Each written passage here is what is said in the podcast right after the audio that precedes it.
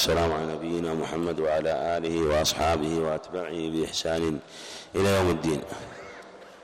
قال الإمام الحافظ عبد الغني المقدسي رحمه الله باب الصداق. ذكر رحمه الله في هذا الباب باب الصداق وكذلك الوليمة. عن أنس بن مالك رضي الله عنه أن رسول الله صلى الله عليه وسلم اعتق صفية وجعل عتقها صداقها.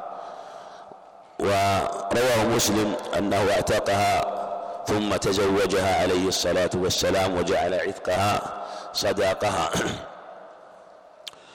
وهذا الحديث ورد بالصداق والصداق هو المهر المرأة وهو مشروع بلا خلاف ولا يشترط النص عليه بل الواجب هو عدم نفيه. وإذا تزوج الرجل المرأة فإن لها صداق مثلها إذا لم ينص على الصداق ويصح بلا خلاف بدون ذكر الصداق إنما إذا نفي الصداق. إذا نفي الصداق هل يصح النكاح أو يبطل الشرط ويصح النكاح؟ اختار بعض العلماء عدم صحته مع نفيه. ومنهم من أبطل شرط آه، نفي الصداق مع صحته. أن رسول الله صلى الله عليه وسلم أعتق صفية بنت حيي وكان عليه الصلاة والسلام. هذا لم لما كان في خيبر وجعل عتقها صداقة وفيه دليل على أن هذا لا بأس به. أن يجعل العتق أن يجعل الصدا أن يجعل العتق صداقا. وإن خالفه من خالف لكن السنة دلت على هذا. فإذا قال الرجل لأمته أعتقتك وجعلت عتقك صداقك صح نكاحها بمجرد هذا القول. وتكون زوجة له ولا يشترط أي شرط آخر. لأنه كان لأن المنفعة كانت مملوكة له لأنها أمته.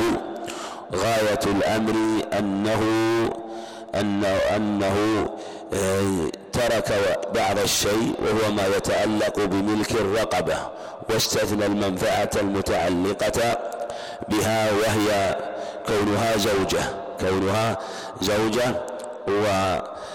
والروايات في هذا الباب كلها تدل على صحة هذا على صحة هذا العقد لأنه عليه الصلاة فعله وليس خاصا به كما قال بعض العلماء وليس خاصا به إذ الخصوصية تحتاج إلى دليل.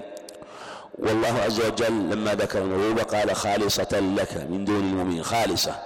فذكر أنه أنه اختص بالموهوبة مع أن الموهوبة بالنسبة للمملوكة وخاصة في ذلك الوقت أقل. فلو كان هذا خاصا به عليه الصلاة والسلام لكان النص على خصوصيته فيه خصوصيته بالنص على خصوصيته عليه الصلاة والسلام. بهذا الحكم من باب أولى لأنه أكثر. نعم قال رحمه الله تعالى وفي رواية أيضا ذكرها في رواية ذكر هيثم رحمه الله عند الطبراني في الأوسط أنه قال اعتقت أن صفيا أن صفية نفسها قالت اعتقني وجعل عتقي صداقي. عتقي وهي أعلم بالقضية. وهذا صريح في هذا الحكم. عن سالم بن سعد رضي الله عنه وابو العباس الساعدي تقدم إيه، له روايات رحمه الله رضي عنه. أن رسول الله صلى الله عليه وسلم جاءت امرأة فقالت إني وهبت نفسي لك فقامت طويلا فقال رجل يا رسول الله. في هذا أنها وهبت نفسها له لأنه أولى بالمؤمنين أنفسهم عليه الصلاة والسلام. وفيه جواز بل مشروعية عرض المرأة نفسها لا بأس حينما تعرض نفسها للزواج. ولهذا لم ينكر عليها عليه الصلاة والسلام. بل آه، أبدى العذر فقامت طويلا فقال رجل يا رسول الله زوجنيها إن لم يكن لك بها حاجة. فقال هل عندك من شيء تصدقها فيه؟ دليل على أنه لا بد من الصداق. قول الشيء يدل على أن أي شيء يتمول ويكون ثمنا فإنه يكون صداقا لكن لا بد أن يكون ثمن. له اعتبار في العادة لا يكون شيئا تافها فقال ما عندي إلا إزاري هذا ما عندي إلا إزاري هذا. وفيه دليل على أنه يجب على الإنسان أن يبين حاله خاصة إذا سئل وتقدم إلى آه، أهل امرأة أن يبين حاله وألا يغشهم بل يصدق. والصدق كله خير خير وبركة. لا على الرجل ولا على المرأة ولا على تيسر أمره الذي أراده. يعني حينما يريد الشخص أمرا هو قصده أن يتيسر. فإن كان يريد أن يتيسر فربما توهم أنه يكتم بعض الشيء أو ربما يتجرع على الكذب يزعم أنه يتيسر. إن كان الشيء هذا لا يحصل إلا بالكتمان بكتمان شيء واجب أو بالكذب فاعلم أنه لو تيسر لك حينا فلا خير في ذلك ولا بركة فيه. وما كان مع الصدق وإن وإن تعثر شيئا فإنه سوف يتيسر تيسرا عظيما وتحصل البركة به. ولهذا قال كعب رضي الله عنه ما بلا ما بلا الله أحد مثل ما بلاني في الصدق. ولهذا آل على نفسه ألا يحدث إلا صدقا مع عائشة رضي الله عنه لما رأى من بركة الصدق. فقال رسول الله صلى الله عليه وسلم إزارك إن أعطيتها يعني أعطيتها إياه جلست ولا إزار لك. في أن الإنسان لا يجوز له أن يتصدق أو حتى يتزوج بشيء يترتب عليه ضرر بل إن استطاع الباءة وهي مونة النكاح وإلا فيتقي الله حتى يتيسر أمره.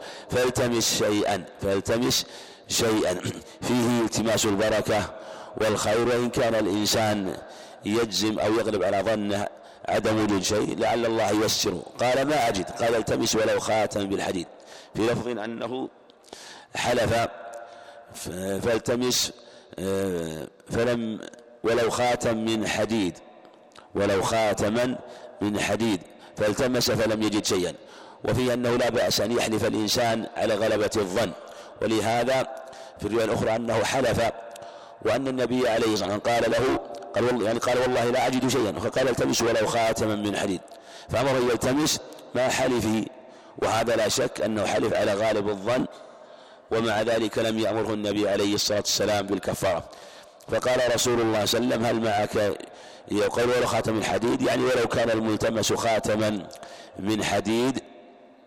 وفيه كما تقدم أن مثل هذا لا بأس به. ولو كان يسيرا وفي دلالة على جواز الخاتم من حديد. أما حديث النهي عن خاتم من حديد وأن حلية النار هو حديث ضعيف هو حديث ضعيف. فلم فلم يجد شيئا فقال رسول الله صلى الله عليه وسلم هل معك شيء من القرآن؟ قال نعم. قال فقال رسول الله رسول الله صلى الله عليه وسلم زوجتكها بما معك من القرآن بما معك من القرآن. الباء هنا على الصحيح للمعاوضة ليست للسببية بل على ظاهر المعاوضة. أي آه، جعل مهرها القرآن وفي دلالة جواز التزويج بالقرآن. في لفظ اذهب فعلمها لفظ علمها عشرين آية عند أبي داود. وفي حديث أم سليم رضي الله عنها أو في قصة أم سليم رضي الله عنها عند النسائي بسند صحيح أن أبا طلحة خطبها فقالت إنك رجل مشرك وإني لا أحل لك فإن تسلم فذاك مهري. فأسلم فتزوجته فكان من أعظم مهر في الإسلام رضي الله عنه. عن أنس بن مالك رضي الله عنه أن رسول الله صلى الله عليه وسلم رأى عبد الرحمن بن عوف الزهري رضي الله عنه وعليه ردع زعفران لطخ الردع هو اللطخ ما يتلطخ به الثوب أو البدن من زعفران ومعلوم أن الرجل لا يتزعفر نهى عن التزعفر للرجال عليه الصلاة والسلام. فقال عليه الصلاة والسلام مهيم يعني ما أمرك ما شأنك. يعني هذه استفهام عن شأنه وأمره. فقال يا رسول الله لأنه رأى شيئا ليس من شأن الرجال. فقال يا رسول تزوجت امرأة. بدليل على أنه إذا علق بالرجل شيء من طيب المرأة لا بأس بذلك وخاصة في ليلة النكاح. فقال ما فقال ما أصدقتها. دليل على أيضا على مشروعية الصداق وأنه غير مقدر. قال ما أصدقت لو كان مقدرا لم يسأل عنه لأنه معلوم. أما حديث أقل المهر عشرة دراهم فإنه لا يصح. يعني تقديره بالأقل لا يصح. قال وزن نواة من ذهب. فقال فبارك الله لك. أولم ولو بشاة فيه الدعوة للمتزوج وفيه الحديث المشهور حديث أبي هريرة بارك الله لكما وبارك عليكما وجمع بينكما في خير حديث علي قيل من أبي طالب أيضا أنه عليه الصلاة والسلام كان إذا رفع إنسانا تزوج قال اللهم بارك لهم وبارك عليهم في رواية عند النسائي. وهذا الحديث أيضا ثبت معناه مختصرا أو جاء في حديث آخر أن النبي عليه الصلاة والسلام دعا أو في قصة جابر لعل في في قصة جابر أن النبي قال بارك الله لك قال بارك الله لك بالدعوة بالبركة وفيه دلالة على الوليمة بهذا بما تيسر وفيه أيضا وفيه ما في البخاري ومسلم عن أنس رضي الله عنه أنه عليه الصلاه أنه عليه الصلاة والسلام اولم على زينب اولم على زينب بن جحش بشاة وأيضا انه لم على صفية بمدين من شعير عليه الصلاة والسلام. وبالجملة خير النكاح أيسره كما في الحديث فكلما كان أيسر كان أفضل وإن من يوم المرأة تيسير رحمها وتيسير مهرها. كتاب الطلاق. الطلاق الأصل فيه المنع والحظر على خلاف في أحكامه إلا أنه يجوز عند الحاجة وقد يشرع في بعض الأحوال ويحرم في بعض الأحوال. عن عبد الله ابن عمر رضي الله عنهما أنه طلق امرأته وهي حائض. تغير منه رسول الله صلى الله عليه وسلم. ثم قال يراجعها ثم ليمسكها حتى تطهر. تغير في دلالة على أن طلاق الحيض محرم ولا يجوز. والله عز وجل قال وطلقوهن لعدتهن أي مستقبلات العدة. وهذا لا يكون إلا في الطهر. وفي دلالة على أن الأقراء هو هي الأقراء الحيض. أن القرء هو الحيض. وهذا مذهب أحمد رحمه الله. وأبو حنيفة وذهب مالك والشافعي أنه الأطهار لكن الأظهر وما ذهب إليه أحمد رحمه الله والأدلة عليه واضحة وقد قرر المسألة وبسطها العلامة القيم رحمه الله في زاد المعاد بسطا عظيما فرحمه الله. ثم ليراجعها ثم ليمسكها حتى تطهر ثم تحيض فتطهر فإن بدأ له يطلقها فليطلقها قبل أن يمسها. فتلك, فتلك العدة التي أمر الله عز وجل أن يعني, يعني أن يطلق لها النساء. وهو أن تستقبل حيضتها. المعنى أنه إذا طلق إذا طلق امرأته حائضا فهذا لا يجوز ويجب عليه الرجوع. ثم يمسك. يجب عليه أن يمسكها. يجب عليه أن يمسكها. فإذا أمسكها فطهرت. فإذا طهرت لا يجوز أن يطلق على الصحيح في الطهر المتعقب للحيض خلافا للجمهور. صواب لا يجوز أن يطلق في الطهر المتعقب للحيض لظاهر الحديث. يقول ثم يمسكها حتى تطهر ثم تحيض فتطهر حتى تحيض حيض الثانية ثم تطهر. يعني لا يجوز أن يطلقها في الطهر الأول المتعقب للحيض الذي طلق بل يجب أن ينتظر إلى الطهر الثاني بعد حيضة أخرى لم يقع فيها طلاق. ففي هذه الحال له أن يطلق وله أن يمسك. وله أن يمسك إن كان هذا إذا كانت الطلقة الأولى أو الثانية عند الجمهور. أما إذا كانت الطلقة الثالثة فعند الجمهور أن أنها حرمت بهذا حرمت بهذا. ومن أهل العلم من يرى أنه لا ليس بواقع ليس بواقع. والمسألة مبسوطة والكلام فيها كثير. لكن ما يتعلق بالمراجعة فيجب أن يراجع فإذا أمسكها حتى طهرت فلا يجوز أن يطلق في الطهر المتعقب للحيض حتى تحيض مرة أخرى ثم تطهر فإذا طهرت في هذه الحال يكون على بصيرة. والعلة في منع طلاق الحائض ليس لتطويل العدة كما يقوله بعض العلم الصواب. ما اختاره جمع من العلم وهو قول تقي الدين وقاله كثير من المتقدمين أنه الزمن الذي قد يحصل بين الرجل وبين أهله شيء من آه، الجفوة. وأيضا ربما أن الرجل لسبب الأسباب يسارع إلى الطلاق لكونها حائض وقد يريد منها شيئا فيمتنع عليه الأمر لأنها حائض لأنها حائض. فلهذا ربما رخصت عنده. عندنا مسألتان. المسألة الأولى ما يتعلق بوقوع الطلاق. الجمهور على أنه واقع وقول الأئمة الأربعة واختاره البخاري رحمه الله ومنها العلم من لا يرى وقوعه. وقد جرد الانتصار لهذا القول شيخنا العلامة الإمام الكبير رحمه الله عبد العزيز بن باز رحمه الله كثير من العلم في هذا الزمان وقبله أئمة كبار شيخ الإسلام وابن القيم رحمة الله عليهم وجماعة من أهل العلم رحمة الله عليهم وقالوا إنه لا يقع. والمسألة الثانية ما يتعلق بالمراجعة تقدم أنه يجب عليه أن يراجع في الحيض ليطلقها فيه ثم يمسك حتى تطهر الطهر المتعقب للحيض ثم تحيض مرة أخرى ثم تطهر. فإذا طهرت الطهر الثاني الذي بعد حيض لم يقع فيه طلاق إن شاء أمسك وإن شاء طلق.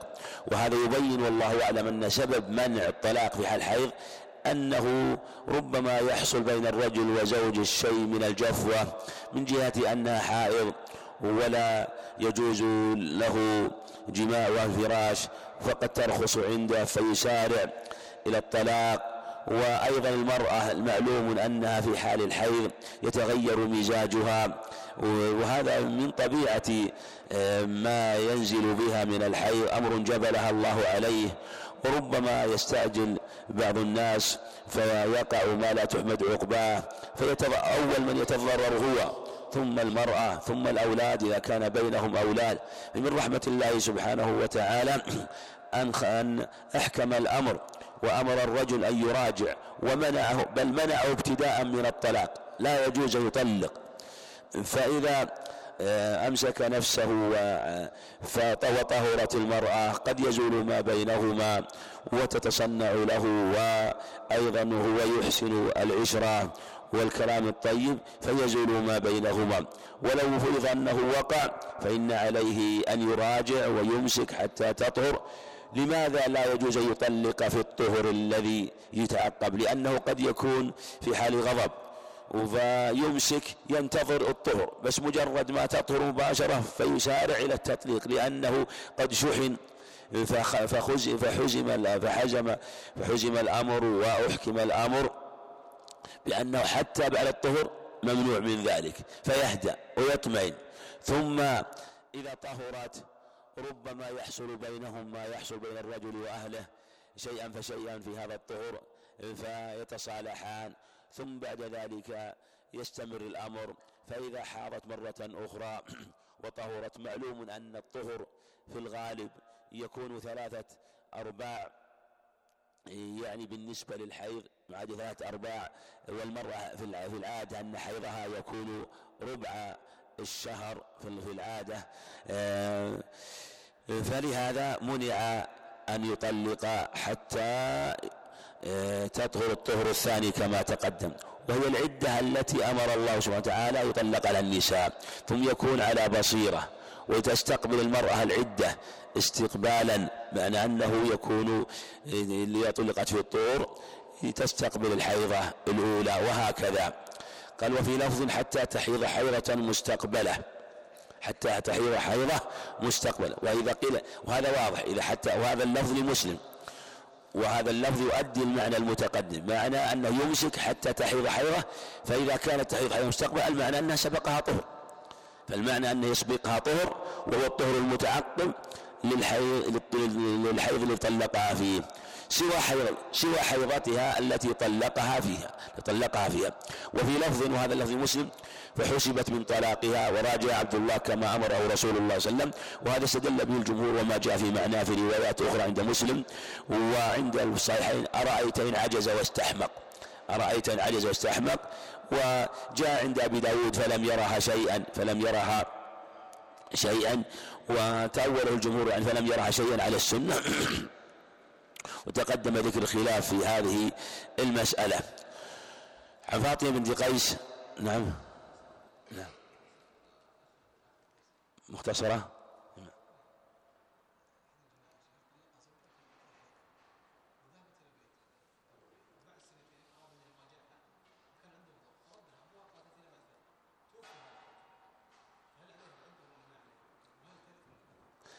المقصود ان ينظر.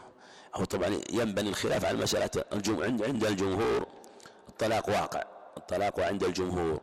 فإن كان راجعها راجعها قبل أن تحيض ثلاث حيض سوى الحيضة التي طلقها فيها فإنها تكون فيها قد بانت. إن كانت الطلقة إيه، تكون قد بانت بين الصور إن كانت الطلقة الأولى والثانية وإن كانت الطلقة الأخيرة فقد بانت من الأصل يعني قد بانت من الأصل. ف فإن جهل الأمر يعني إن كان أنه سأل سأل وجهل آه، الأمر وقد طلقها قد طلقها ولم يأتي ما يدل على المراجعة فالأصل عدم المراجعة حتى يتبين الأمر أو يظهر دليل على آه، المراجعة. إما بأن تخبر الزوجة بذلك أو أن يكون آه، القضية مثلا عند القاضي والحاكم. هذه أمر يعني لها ملابسات ولا يمكن جزم بشيء منها حتى تعلم ملابسات القضية. قال رحمه الله عن فاطمة بنت قيس رضي الله عنها أن أبا فاطمة قيس امرأة لها حزم ورأي وجمال وكمال وجزالة في الرأي رحمه الله ورضي عنها. أن أبا عمرو بن حفص القرشي المخزوم يطلقها البتة. طلقها البتة إيش معناه؟ يعني آخر ثلاث تطليقات. يعني جاءت الرواية الأخرى توضح أنه لم يطلقها البتة بمعنى أنه بتها ثلاثا لا. هم كانوا لم يكونوا يكونوا يوقعون الطلاق ثلاثة. إنما طلقها ثم راجعها ثم بعد ذلك وقع طلاق ثم راجعها ثم الثالثة. وكان من ذلك أنه ذهب للغزو والجهاد فأرسل لها بتطليقة في آخر آخر طلقة. هذا مراد البتة يعني آخر ثلاث آخر ثلاث تطليقات. متعقبة متعقب بعضهم البعض لا أنهن مجتمعات. وهو غائب يعني في الغزو.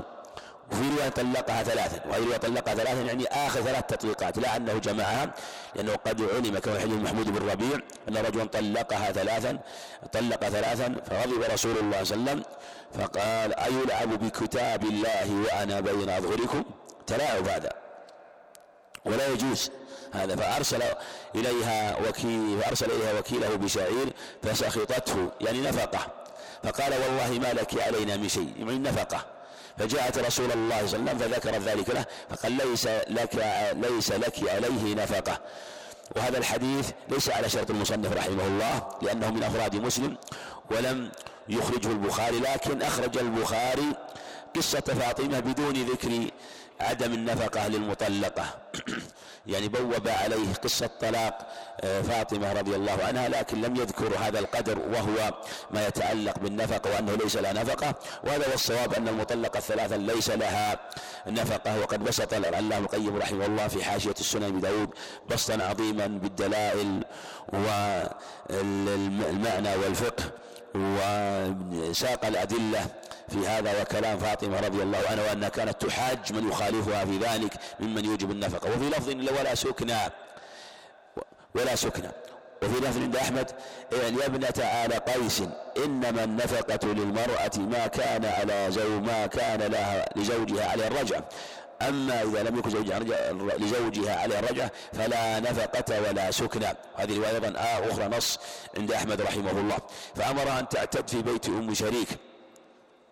وكانت امرأة كما قال ثم قال تلك امرأة يغشاها أصحابي يغشاها أصحابي وأنه ربما ينكشف من شيء اعتدي عند ابن مكتوم لأنه ربما ينكشف منها شيء فأمرها أن تعتد عند ابن أم مكتوم وأنه رجل أعمى وأنها تكون في مكان من البيت تكون في مكان من البيت لأنها ليس لها بيت تسكنه واحتاجت أن تسكن عند أحد فلهذا احتاط لها النبي عليه الصلاة والسلام في مكان تكون منفردة به آه، حتى آه، تقضي عدتها وتأخذ راحتها. ولو أن احتاجت إلى أن تضع بعض ثيابها فإنها لا يراها ولا يبصر أحد. تضعين ثيابك فإذا حللت يعني فرغت عند فآذنيني أي أعلمين قالت فلما حللت ذكرت له ذكرت له أن معاوية بن سفيان وأبا جهم خطبان فقال رسول الله صلى الله عليه وسلم أما أبو جهم فلا يضع العصا عن عاتقه. اختلف. قيل يضع العصا عن عاتقه أنه رجل كثير السفر كثير السفر. وقيل أنه ربما يكون يضرب النساء وهذا جاء في رواية عند مسلم ضراب للنساء. وأنه ربما كان هذا من طبيعته فالنبي عليه الصلاة والسلام لم يختار لها وأما معاوية فصعلوك يعني لا مال له لا مال له. هذا في أول الأمر ثم كان ذلك خليفة المسلمين رضي الله عنه. وفيه حسن اختياره عليه الصلاة والسلام ونصحه لأمته يعني أنه قال لا مال له. و ثم أعطاها العوض انكحي أسامة بن زيد. وكان مولا فكرهته لأنه مولى. ثم قال انكحي أسامة ابن زيد. قالت فنكحت فجعل الله فيه خيرا واغتبطت به. يعني تغبط بعد ذلك بأسامة بن زيد ولا غرو فهو اختيار رسول الله صلى الله عليه وسلم لها. باب العدة.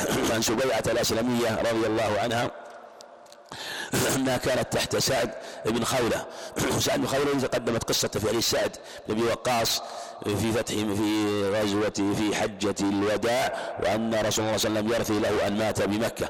وهم بني عامر بن لؤي وكان ممن شهد بدرا. رضي الله عنه فتوفي عنها في حجة الوداع لأنه مرض رضي الله عنه ومات في مكة وكان يكره أن يموت في مكة لأنها دار هجرته وما قصد البقاء. لكن لكنه أمر ليس تحت إرادته وقدرته. فتوفي عنها في حجة الوداع في حجة الوداع نص عليه هنا وهي حامل. فلما فلم تنشب أن وضعت حملها بعد وفاة لم تنشب يعني لم تتعلق بشيء. يعني هذا يعني لم تعلق يعني وضعت بعد وفاته بأيام وليالي فلم تتعلق بشيء وتتشبث بشيء إلا وضعت. جاء في بعضها أنها أربعون ليلة أربعون ليلة.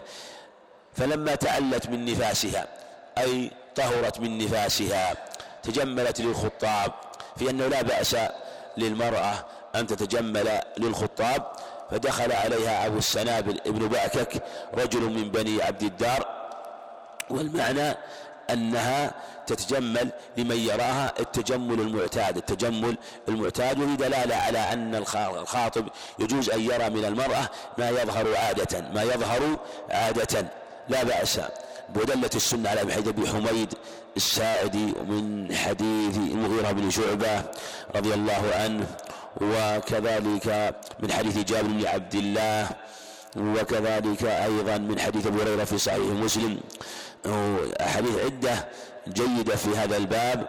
وجابر رضي الله عنه كان أراد زوج امرأة وكان وكان يتخبأ لها ينظر إليها. قال فنظرت إليها أو إلى ما دعاني إلى نكاحها دعاني إلى نكاحها.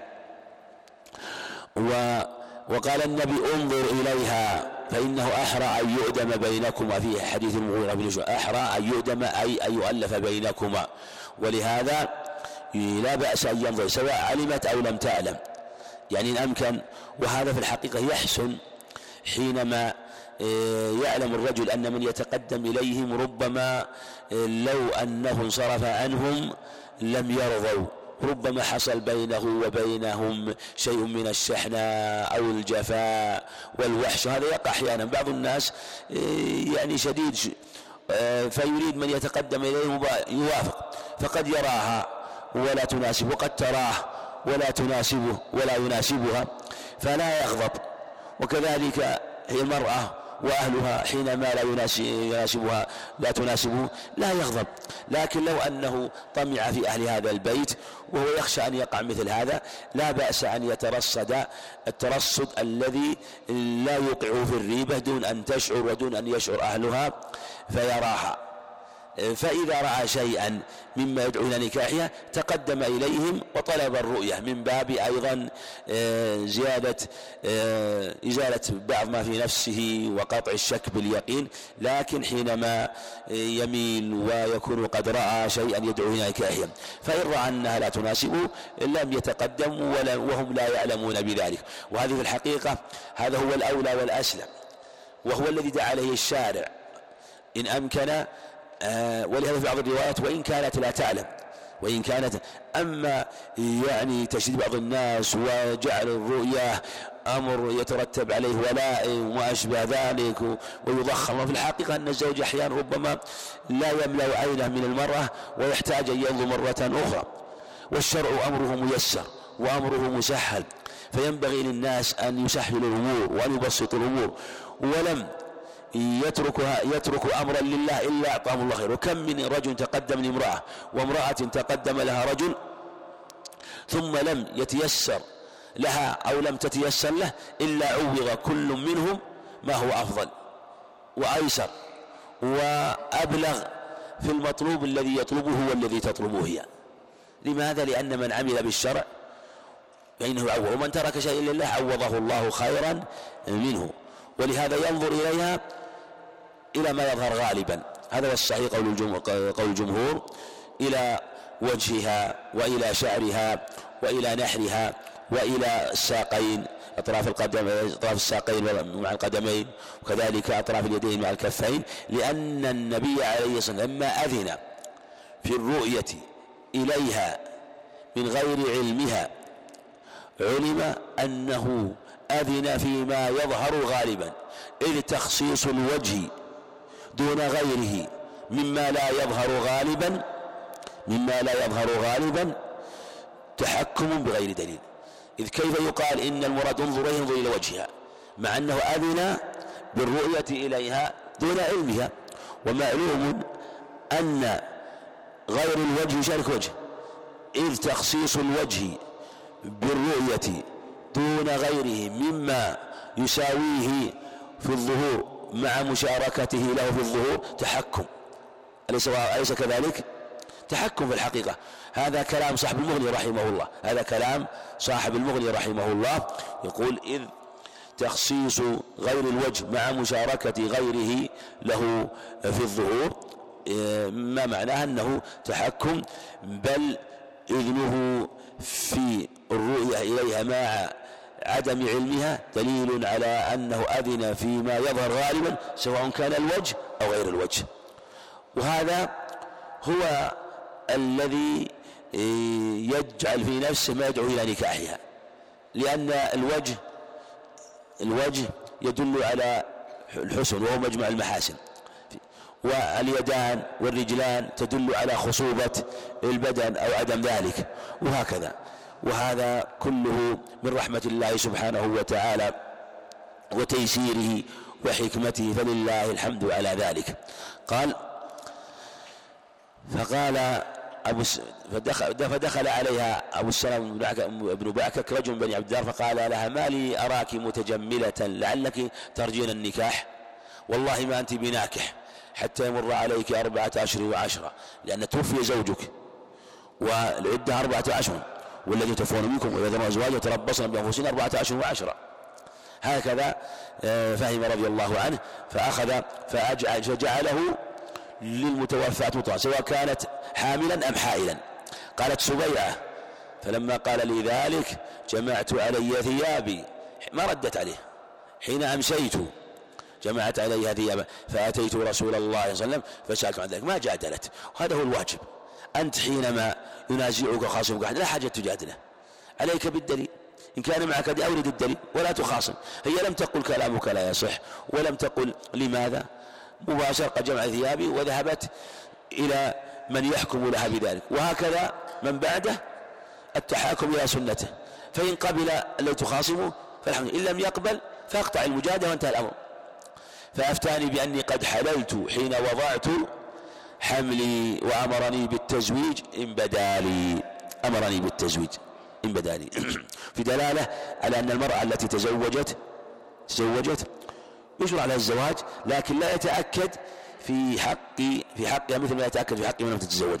كذلك لا يتأكد في حق من تزوج وتأيم كما يتأكد في حق من لم يتزوج.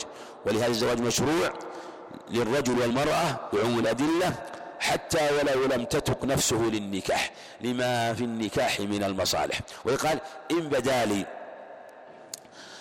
وثبت هذا المعنى أيضا في حديث أم سلمة في الصحيحين في قصة سبيعة رضي الله عنه أنه رسول أن رسول النبي عليه والسلام أمرها أن تتزوج. في دلالة على أن قوله تعالى وولاة الأحمال أجلهن أن يضعن حملهن عام في المطلقة والمتوفى عنها زوجها.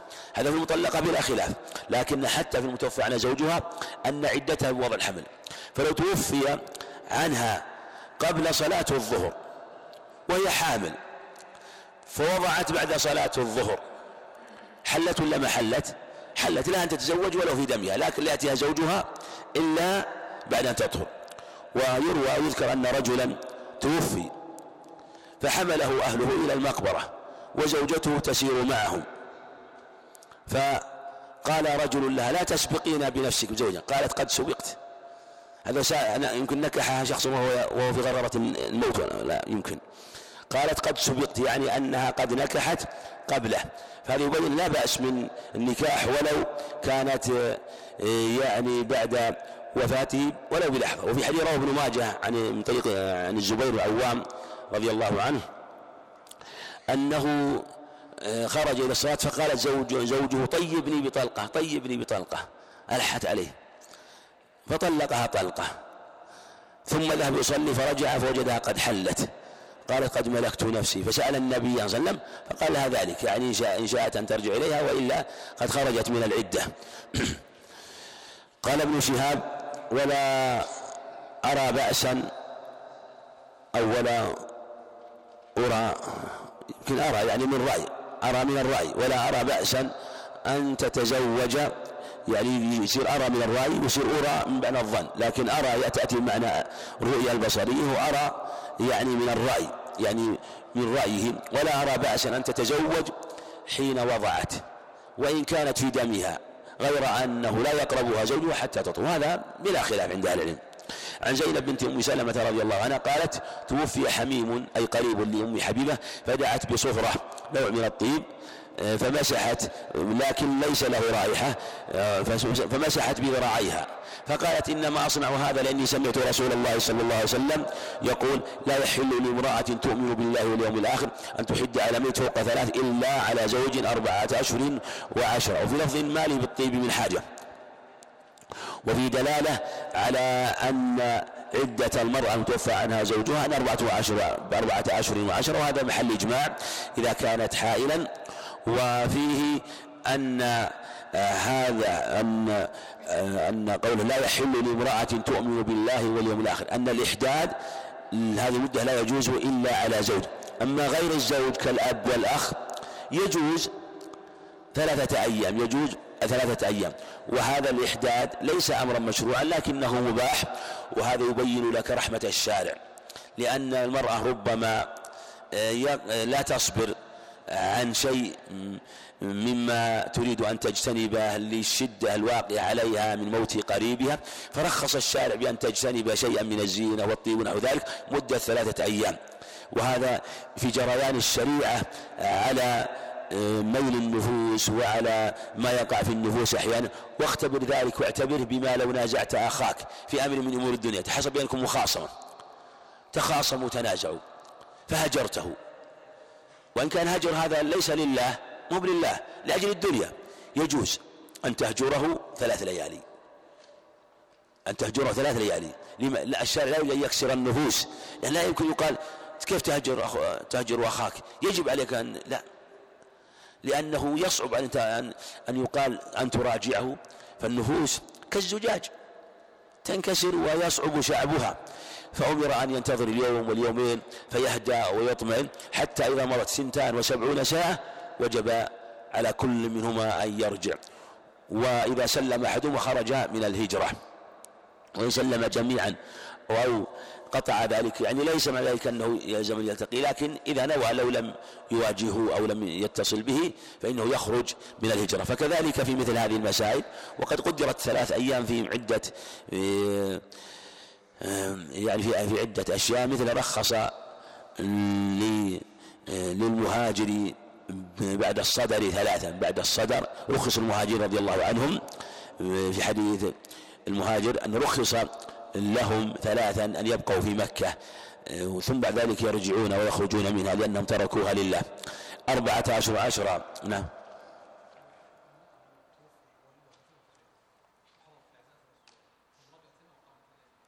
لا خلاص ثلاث ليال من وفاته. ثلاث ليالي من وفاته بس. لا لا يجوز أن تزيد على ثلاث ليال. لا يجوز أن تزيد على ثلاث ليالي إلا ما تقيم. لا مثل على الصحيح إلا ما يجوز. ثلاثة أيام مثل ما جاء هذا. إلا على زوج. أربعة أشهر قول تؤمن بالله واليوم الآخر هذا ليس لتقييد الحكم بل لتأكيده. وهذا من باب التهييج يسميه علماء البلاغة من باب التهييج. وإلا فلا يجوز أيضا عند الجمهور آه، أيضا يجب على المرأة الذمية أن تحد على الزوج. وكانت امرأة ذمية زوجة آه، فإنها على زوجها مات زوجها المسلم فإنها آه، تحد. إنما ذكر تؤمن بالله واليوم الآخر من باب التهييج على هذا الشيء والحث عليه لا من باب تقييد الحكم. وعن أم عطية رضي الله عنها أن رسول الله صلى الله عليه وسلم قال لا تحد امرأة على الميت فوق ثلاث مثل ما تقدم في حديث زينب عن عن أم حبيبة فوق ثلاث إلا على زوج أربعة اشهر وعشره ولا تلبس ثوبا مصبوغا مطيب لأنه زينة إلا ثوب عصب ثوب عصب ثياب كانت العصب تعصب أي تلف كالعصابة ثم إذا لفت تصبغ. وهي معصوبة بنوع من الصبغ ليس فيه طيب. ثم بعد ذلك إذا آه، فرشت صارت موشاة بعضها مصبوغ وبعضها غير مصبوغ لأنها لونت وهي ملفوفة مصبوغة إلا ثوب عصب. ثياب يؤتى بها من اليمن. ليس فيها زينة. ليس فيها زينة. في دلالة على لا بأس مرة أن تلبس الثياب. أخضر أبيض أحمر أسود. لا بأس. تلبس ما شاءت. إلا إذا كان الثوب ثوب زينة. أص يعني أسود آه، يعني له قوة في اللمعان. أو أحمر قاني. أو أصفر فاقع. الشيء يجذب النظر وما أشبه ذلك. هذه من ثياب الزينة. ولا تكتحل لأنه يحسن العين. ولا تمس طيبا لأنه من الزينة بل تشم الرائحة ويدعوها الطيب ربما إلى النكاح واستعجال النكاح. إلا إذا طهرت إذا طهرت يعني من حيضها نبذة من قسط أو نوع من الطيب لا بأس أن تتطيب. وأن تطيب موضع الدم آه، حتى يزيل بعض الروائح الباقية. وهذا والإحداد عام في المرأة الصغيرة والكبيرة يعني هو ليس خاصا بالكبيرة بل حتى الصغيرة. بل, بل لأن هذه أسباب والأسباب لا يشترط لها التكليف مثل الزكاة تجب على الصغير والصغيرة كذلك حتى لو كانت طفلة. لو كانت طفلة فرض أنها طفلة متزوجة فإنها تجنب مثل هذه الأشياء أو كانت غير مميزة أو مميزة غير بالغة هذا هو قول الجمهور خلافا لأبي حنيفة واستدل بقوله لامرأة لامرأة قال المرأة تكون على الكبير لكن هذا خرج على مخرج الغالب. وعموم الأدلة في الكتاب يدل على أنه والذي توفنكم يرون أزواجا وهذا يدخل فيه كل زوجة. عن ام العصب ثياب من اليمن فيها بياض وسواد. يعني ليست ثياب زينة. عن أم سلمة وهند بنت أبي أمية رضي الله عنها قالت جاءت امرأة إلى رسول الله صلى الله عليه وسلم فقالت يا رسول الله إن ابنتي توفي عنها زوجها وقد اشتكت عينها أفنكحلها يعني باب المداواة. فقال الرسول مثلا لا مرتين أو ثلاثا. يعني ليس هناك لأنها ليس هناك ضرورة. والمعنى إذا كان لم يكن هناك ضرورة فلا حاجة أن تكحل. ثم قال إنما هي أربعة أشهر وعشرة. بخلاف ما كان في الجاهلية وقد كانت إحداكن في الجاهلية ترمي بالبعرة على رأس الحوض. يعني أنها تبقى في مكان وحش ضيق لا تخرج منه. تعطى الطعام في هذا المكان الضيق. ولا تغير ثياب ولا تسرح شعرها ولا تقلم أظفارها ولا تزيل أي شعر. فإذا مضت سنة أخذت بعرة فرمتها. وكأنها تقول هذه المدة التي جلستها لزوجي أهون علي من هذه البعرة. هذا نوع من الغلو في آه هذه العدة لكنها عدة جاهلية فالشارع أنكرها وقال العدة المقصود منها تعظيم أمر الموت وتعظيم ما كان بينهم وأمر الزوج ولكنها عدة بهذه المدة اليسيرة والمرأة لا تمنع من من الغسل والنظافة وتغيير الملابس وأن تتطيب بنوع من الطيب عند كل طهر فهذا كله من الرخصة والتيسير والتسهيل زيادة على ما فيه من المعاني العظيمة التي تعطيها آه، في نفسها وفي قلبها حق الزوج وتكريمه والزوج أيضا والأزواج عموما آه، عموم الأزواج حين يعلم أن ذلك حق عليها يدعوه إلى أن يكرمها بذلك. فقالت زينب كانت امرأة يتوفي أن زوجها دخلت حفشا يعني مكان ضيق حتى من الكلمات الحاء والشين. تجد الكلمات أحيانا فيها قوة وفيها خشونة تدل على المعاني الخشنة في لغات العرب. الكلمات والحروف الهوائية تكون مادة هوائية. انظر مادة الهواء. حروف جوفية هوائية. انظر إلى مادة الخاء والشين والباء. الخاء والشين بالذات. فيها خشونة. الخشب الحجر الكلمات والحروف اللي فيها قوة تكون معانيها قوة والحروف التي تكون لينة تكون معانيها لينة. فالحفش المكان الضيق المكان الذي تستوحش فيه ولا تخرج منه وهي منفردة. تناول الطعام كأنها يعني صورة وهيئة لا تليق. بالآدمي لكنها سنة جاهلية وليس ولبست شر ثياب حتى تلبس رديء ثياب وشر الثياب ولم تمس طيبا ولا شيء حتى تمر بها سنة. هذا عذاب والعياذ بالله. ثم تؤتى بدابة حمى شاة أو طير فتفتض به. فقلما تفتض بشيء إلا مات. إلا مات. قيل يعني أنها تكسر آه هذه العدة وبنت السنة معنى أنها تفتض يعني آه، آه، تمسح بعض ما علق بها من القذى والأذى. وقيل تؤتى بحيوان فتمسح بدنها ما فيها من الوسخ بهذا الحيوان. فإذا مسحت بدن هذا الحيوان فإنه يموت للرائحة المنتنة التي تعلق حتى إن هذا الحيوان يهلك ويموت من شدة هذه الرائحة ثم تخرج فتعطى بعرة فترمي بها. يعني قوانين جاهلية والعياذ بالله. قوانين جاهلية والعياذ بالله. تعطى بعرة فترمي بها. ثم معنى أنها أهون ما أن هذه العدة مع ما فيها من الشقاء وهذه المصائب إلا أنها أهون من بعرة. ثم وهي مستسلمة لهذا ترى عليها واجب. ثم تراجع بعد ما شاءت من طيب وغيره. الحف في البيت الصغير الحقير وتفتض تدلك به جسدها. باب اللعان. عن عبد الله اللعان مصدر لاعن يلاعن ملاعنة وهو مشروع آه، في بعض الأحوال وفي بعض الأحوال يشرع الستر وله أحكام كثيرة آه، وسمي لعانا وإن كان فيه غضب المرأة تدعو بغضب الرجل باللعان لأن اللعان مذكور أول بدأ به في حق الرجل ولأن الرجل هو الذي يلاعن ولأن لم يسمى الغضب أو المغاضبة أو ما أشبه ذلك سمي اللعان لأن الرجل هو الذي يبتدئ به.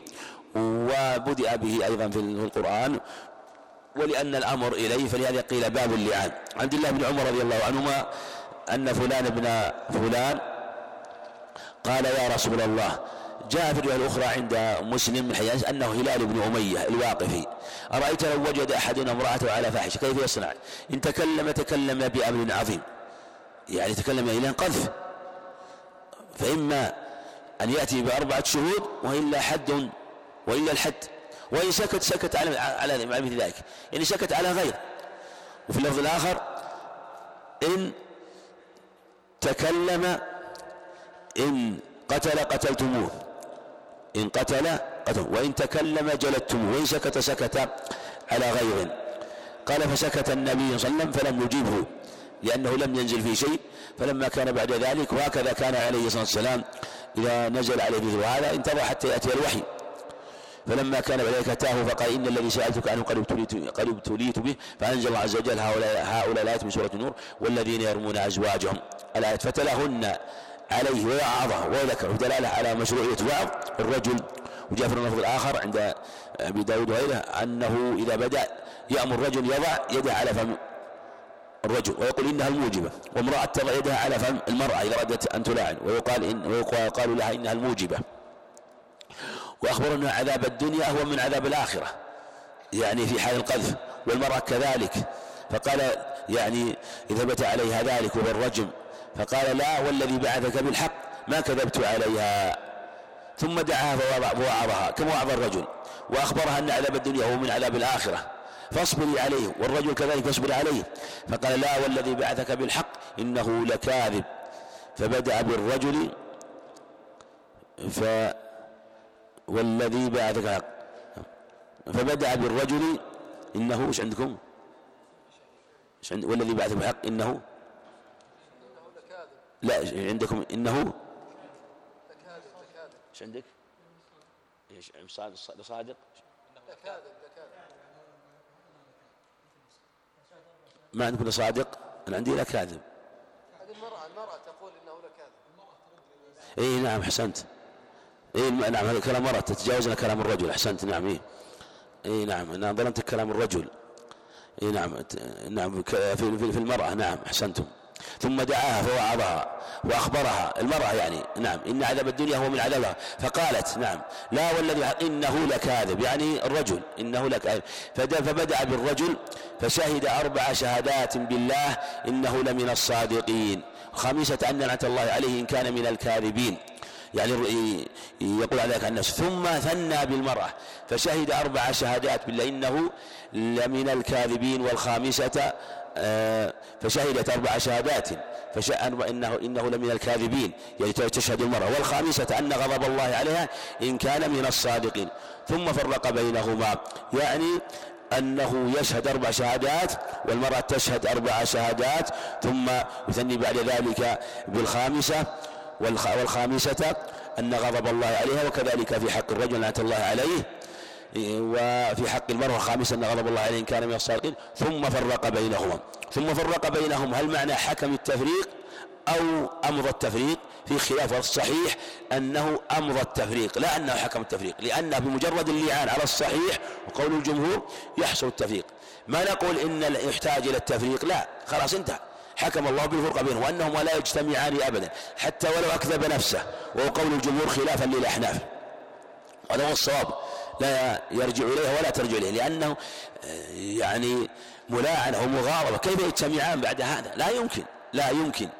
و لا يحتاج إلى التفريق بينهم إنما قول ثم فرق بينهم يعني قضى بحكم الله أو أو أنفذ حكم الله سبحانه وتعالى لأن الحاكم في هذه لأنه كما لو وقع عند حاكم فقضى بذلك يعني أنفذ الحكم بذلك. كما لو مثلا أورد الدليل على هذه المسألة فالدليل فيصل.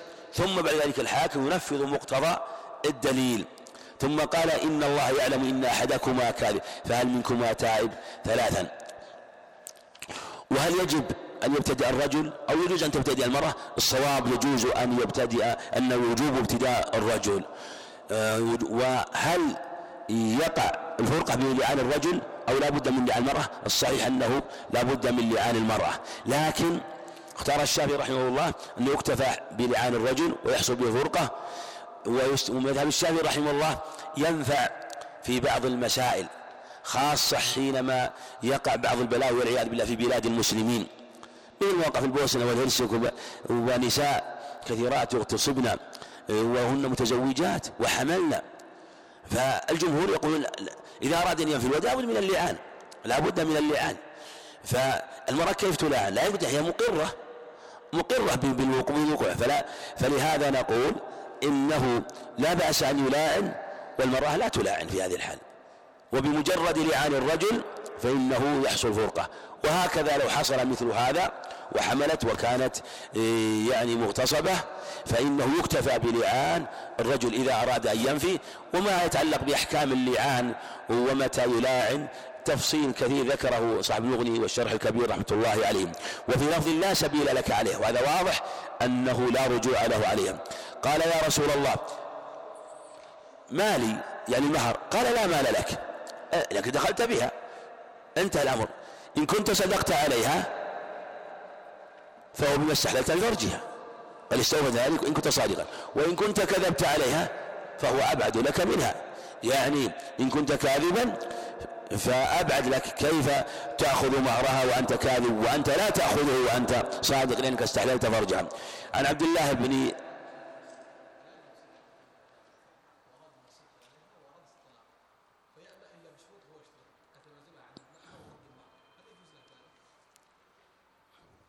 هي تريد الطلاق يعني ولا هو يريد الطلاق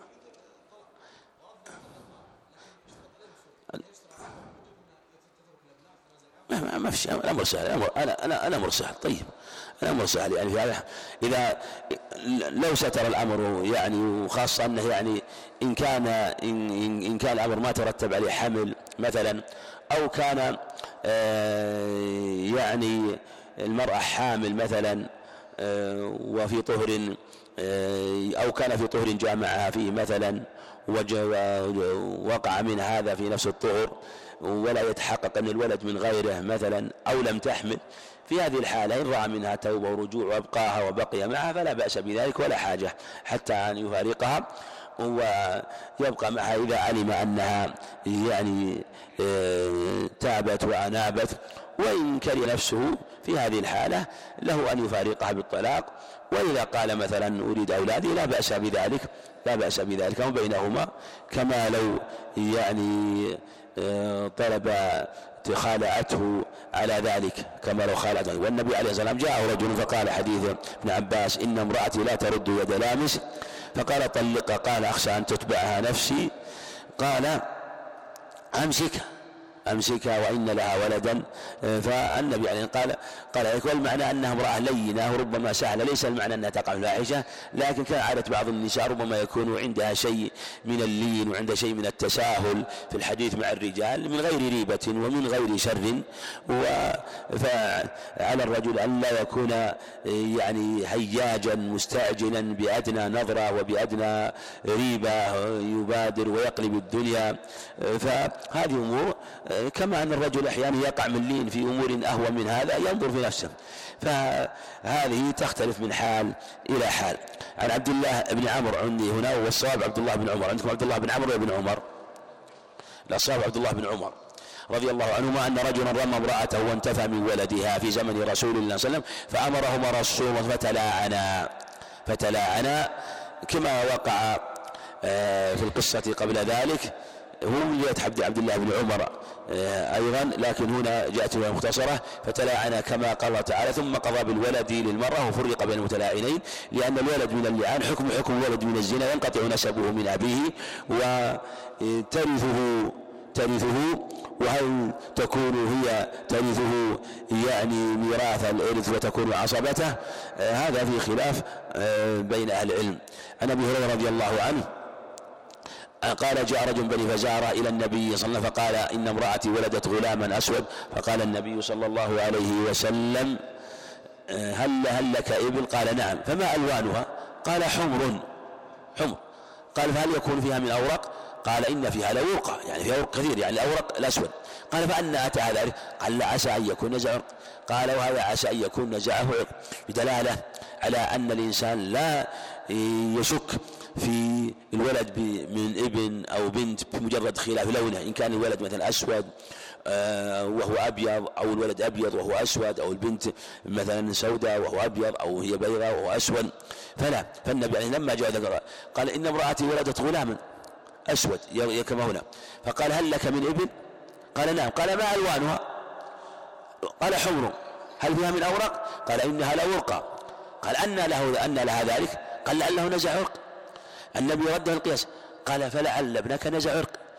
العرق هو الأصل القديم العرق هو الأصل. لعله نزعه يعني من جهة من جهة من جهتك أنت جد قديم بعيد أو من جهة جد بعيد أو ما أشبه ذلك من قرابته لعله نزع فقرره بالقياس الصحيح. وهكذا كان النبي يخاطب العقول يخاطب الأفهام.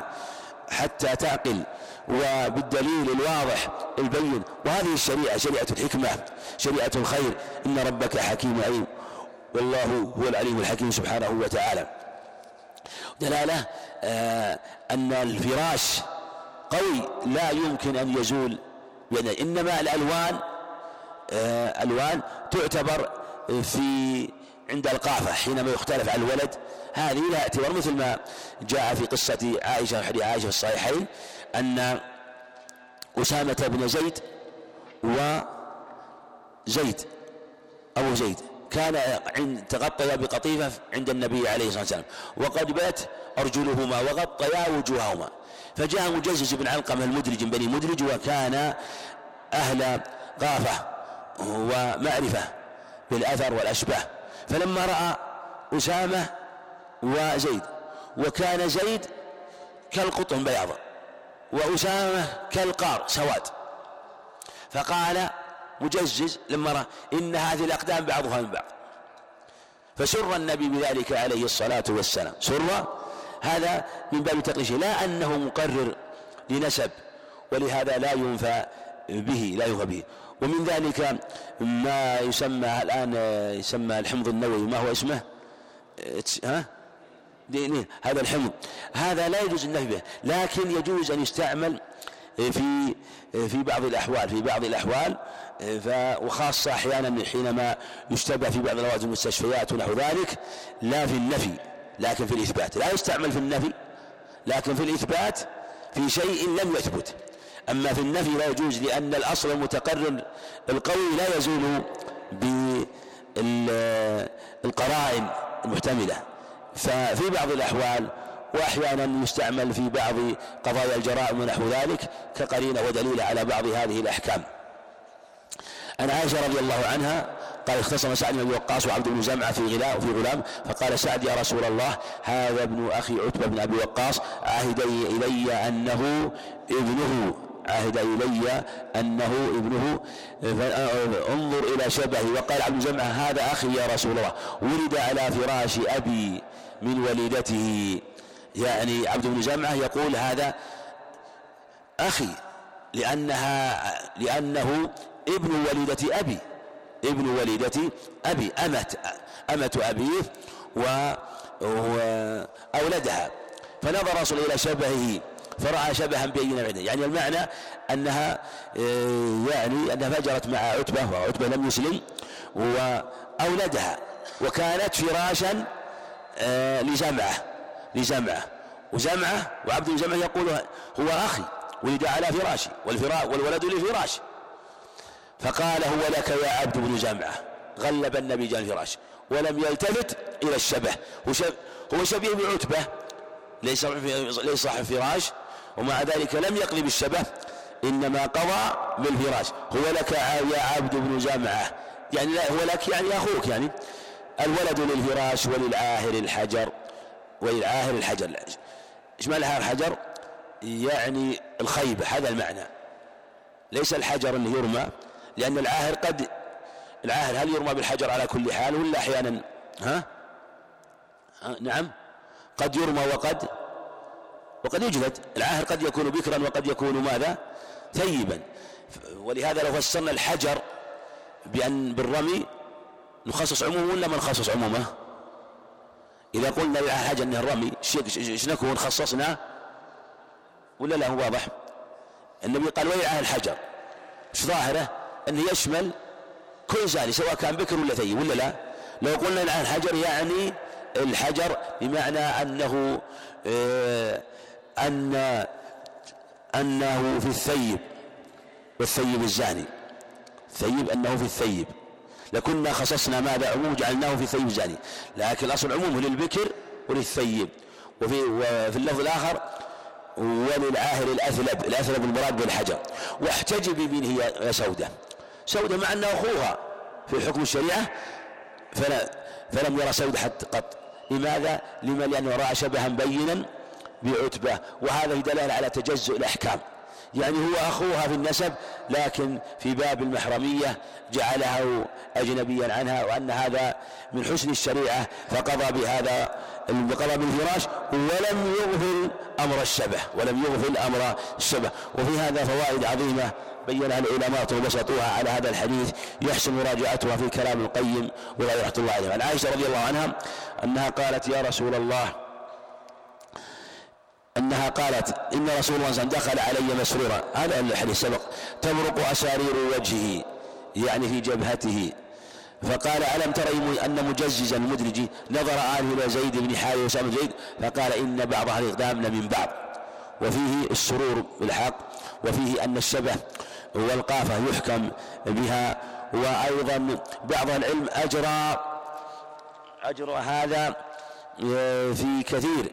كما يجرى في الأثر وأجراه أيضا في الأموال. حتى أن شيخ الإسلام أجرى القافة في الأموال. أجرى القافة في الأموال. والجمهور على أنه لا تجري القافة في الأموال. رحمه الله يقول يجريها. فلو أن إنسان ادعى أن بهيمة شخص قد أتلفت زرعه. أتلفت زرعه. وليس عنده دليل. وقال أبدا ما أتلفت زرعك. اللي أتلف زرعك بهيمة فلان. فجيء بالقائف فرأى الأثر وقال هذا الأثر أثر هذه الماشية وعرف أثرها يعني حينما يرى الأثر الذي في المزرعة ثم تمشي الماشية التي يدعى عليها والماشية الأخرى فيرى الأثرين فيقول هذا الأثر مطابق لهذا الأثر فأجرى رحمه الله القافة في الأموال القافة في الأموال. وهو إذا ثبت لا يمتنع أن يقال به ويكون دليلا لأن المقصود بإثبات الحق بما يبين الحق ما يبين الحق. فكل شيء دل على بيان الحق فهو بينة فهو بينة. تقدم قول شريح رحمه الله وحكمه في مسألة الهرة حينما قضى بها لإحدى الهرتين الأولاد هرة. وفي لفظ كان مجزز قائفا وهذا عند مسلم. ولا يشترط أن يكون اثنين بل يكفي لأنه ليس من باب الشهادة من باب الخبر. باب الخبر قاعدة أن الخبر يكفيه واحد. ولهذا إذا أذن المؤذن نصلي. نكتب خبره إذا قال لنا واحد الشمس غربت نفطر إذا كنا صائمين. وهكذا. إذا قال قال قال إنسان هذا الماء نجس خلاص ما نقول شخص ثاني. لأن الخبر والفرق بين الخبر والشهادة أن الخبر يعم. أما الشهادة شيء خاص. فالأخبار تكون عامة مثل الحديث رواية عامة لكل لكل المكلفين. الإخبار عن دخول الأذان عن غروب الشمس هذا خبر ديني عام لكل الناس. هذا الماء نجس خبر لي ولغيري من الناس. فهذا فيؤتمن فيه آه، عدم يؤتمن فيه أنه يعني يشك في هذا الخبر أو يقال لعله حاف وكذا. لأنه خبر والخبر الديني يكتفى فيه بواحد. ومن ذلك أيضا القائف فإنه يجرى مجرى الخبر ولا يكتفى بواحد ويجرى مجرى الشهادة لكنه واحد عدل مجرب واحد عدل مجرب أن يكون مجرب الإصابة لا بد من ذلك. عن أبي سعيد الخدري رضي الله عنه قال ذكر العزل لرسول الله صلى الله عليه وسلم فقال ولم يفعل ذلك أحدكم؟ وقال ولم يقل فلا يفعل ذلك أحدكم فإنه ليس ليست نفس مخلوقة إلا الله خالقها سبحانه وتعالى. وفي لفظ صحيح لا عليكم ألا تفعلوا. لا عليكم ألا تفعلوا. ولم يقل لما فعلتم. وجاء هذا الحديث أيضا في وهذه اللفظة هو قوله ولما يفعل ذلك أحدكم. هذه ينظر هل في الصحيحين أو في مسلم. وظاهر كلام أنها في الصحيحين. وحديث جابر عن جابر رضي الله عنه قال كنا نعزل والقرآن ينزل. هذا لفظ الصحيحين. أما قول ولو كان شيء ينهى عنه القرآن ينهى عنه لنهانا عن القرآن هذه الزيادة عند الزيادة هذه عند مسلم عند مسلم. وجاءت ألفاظ لحديث جابر وفي دلالة على جواز العزل أنه لا بأس بذلك. وجاء في حديث رواه من طريق ابن لهيعة نهى يعزل عن الحرة بإذنها. أن يعزل الحرة إلا بإذنها وهذا فيه خلاف. لكن هو من حيث الجملة جائز. ولا بد من استئذان لأنه حق لها حق لها على قول كثير من العلم لكن هو جائز. لكن بشرط ألا يسيء الظن بأن يعني يعزل حتى لا تحمل المرأة لأنه يقول يكثر الأولاد من أين آتي بالمعيشة والكسب هذا سوء ظن بالله. لكن لو عزل لسبب يتعلق مثلا بزوجته أنها عندها أولاد ويشق عليها أن تحمل حملا آخر آه، في تربيتهم والقيام عليهم. فهذا معنى لا بأس به وهو من باب التنظيم مع أنه ربما يعزل ويسبقه الماء. وفي حديث جابر عند مسلم أنه قال يا رسول إني لجارية وأنا أعزل عنها. فقال النبي عليه اعزل عنها فإنه سيأتيها ما قدر لها.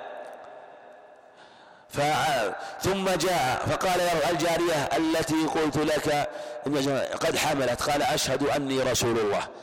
يعني كأنه أخبره أنه سوف تحمل عليه الصلاة والسلام. المعنى أنه أذن له في ذلك.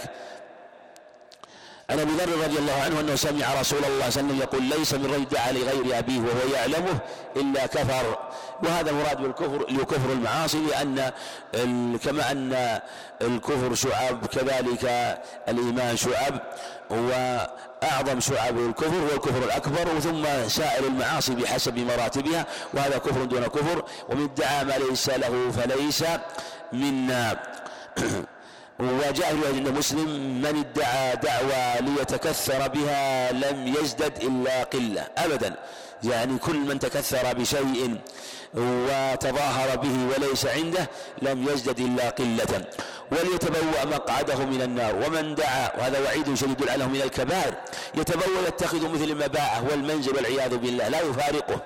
ومن دعا رجلا بالكفر قال يعني يا كافر يا بالله أو قال يا عدو الله عدو عدو الله كافر والعياذ بالله. وليس كذلك إلا حار عليه. إلا حار عليه أي رجع عليه. وليبين أن هذا من الكبائر وأنه لا يجوز وهذا المعنى أيضا ثبت في عدة أخبار من حديث ابن عمر ومن حديث سعد بن أبي وقاص في تحريم أن يدعي إلى غير أبيه وأنه من كبائر الذنوب وكذلك من حديث أبي بكرة رضي الله عنه حديث واثلة إن أعظم الفرى يعني أن يدعي الرجل إلى غير أبيه أو أن يري عينيه ما لم تريا. والحديث هذا كثير عن النبي عليه الصلاة والسلام وعلاقته بما ذكره مصنف رحمه واضح لأنه لا يجوز أن ينتفي من نسب ولهذا قال في حديث ابن عند ماجه من انتفى من نسب وإن دق فليس منا فليس منا. كتاب الرضاع نعم نعم. ادعى في الشرف في العلم في نسب في مال وما أشبه ذلك.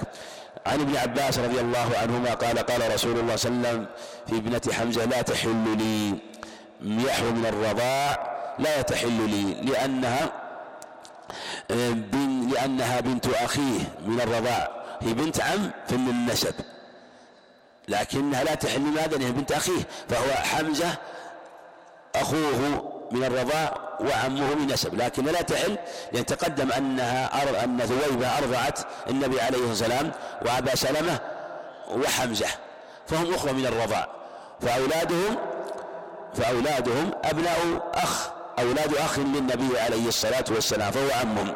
لا تحل يحرم من الرضاع ما يحرم من وهي ابنة أخي من الرضاعة.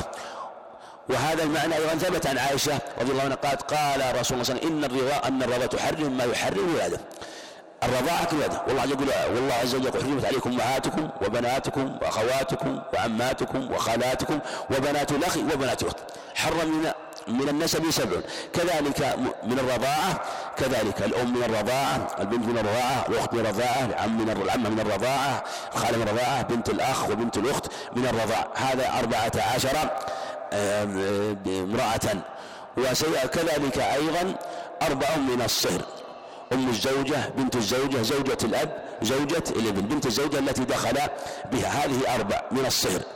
مع أربعة عشر ثمانية عشر. وألحق الجمهور بها أيضا الرضاع في المصاهرة جعلوه كالأم النسبية كالأم النسبية. فأم الزوجة من الرضاع جعلوها كأمها من النسب وبنت الزوجة من الرضاع جعلوها كأمها من النسب.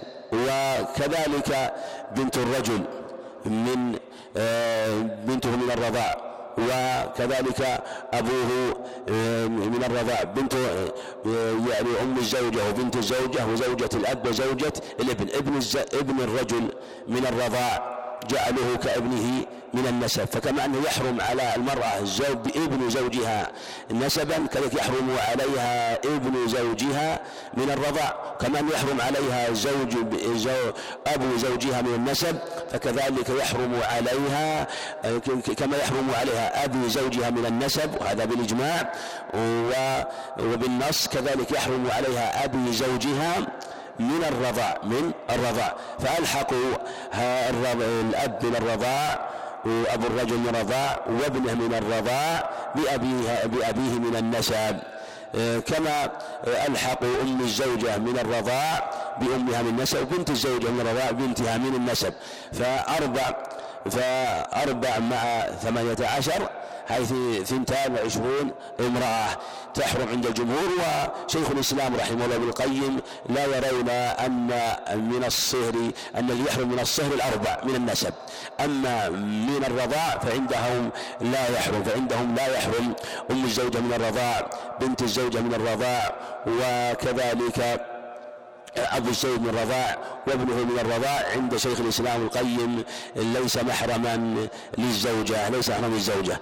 ولهذا قال يحرم إن الرضاعة تحرم ما يحرم من الولادة. وعنها قالت إن أفلح أخا أبي القعيس استأذن علي بعدما أنزل الحجاب فقلت والله لا آذن له حتى أستأذن النبي صلى الله عليه وسلم فإن أخ أبا القعيس ليس هو أرضعني. يعني جعلت لم تجعل اللبن للفحل.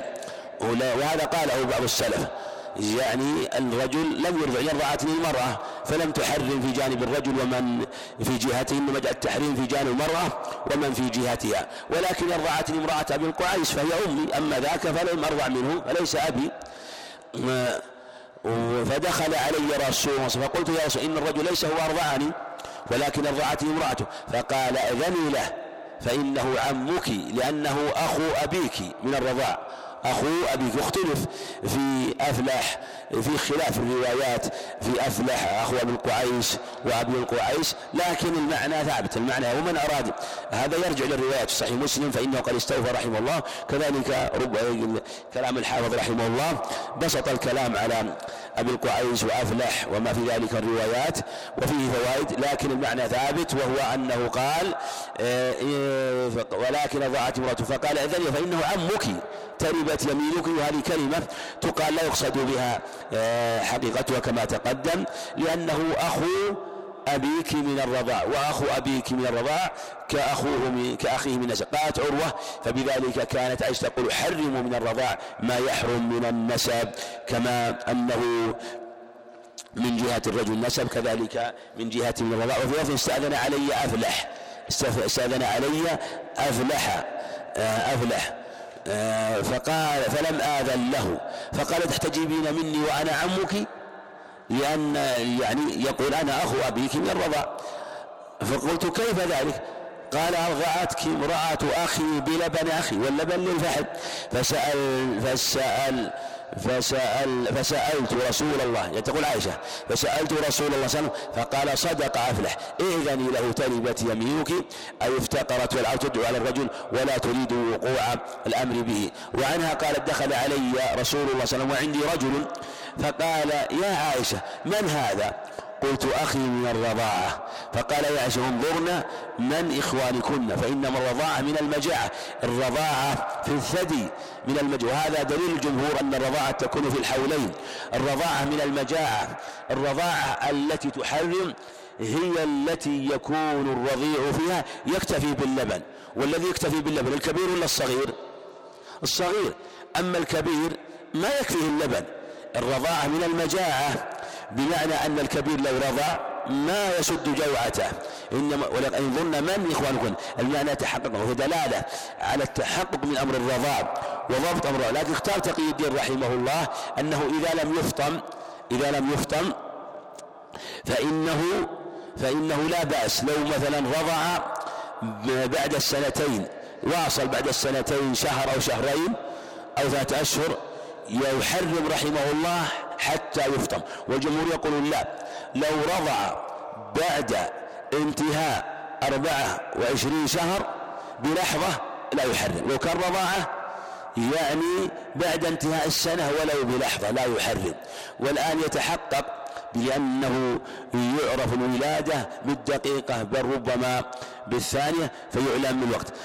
لكن آه، لا يدخل في ذلك والله يعلم. لو التقم الثدي قبل مضي السنتين ثم فرغ منه بعد مضيهما بعد أو بعد ما دخل السنة الثالثة لأن التابع تابع بأن شرع في هذا. لكن كما تقدم المسألة هذه فيها خلاف. ومسألة رضاعة الصغير هذا عند الجمهور. الجمهور ورواعة الكبير فيها كلام معروف لأهل العلم. مبسوط ولعائشة قول في هذا ولعطاء ولتقي الدين وجماعة من أهل العلم. وعن عقبة بن عامر وعن عقبة الحارث رضي الله عنه أنه تزوج أم يحيى بنت أبي هاب فجاءت أمة سوداء. فقالت قد أرضعتكما. فذكرت فذكرت ذلك أي عقبة يقول ذكرت ذلك للنبي صلى الله عليه وسلم. قال فأعرض عني. فأعرض عني. قال فتنحيت. فذكرت ذلك له. قال وكيف وقد زعمت أن قد أرضعتكما هذا من أفراد البخاري وليس من ولم يروه مسلم فليس على شرط المصنف رحمه الله.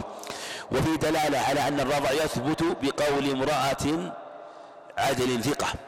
يكفي بهذا.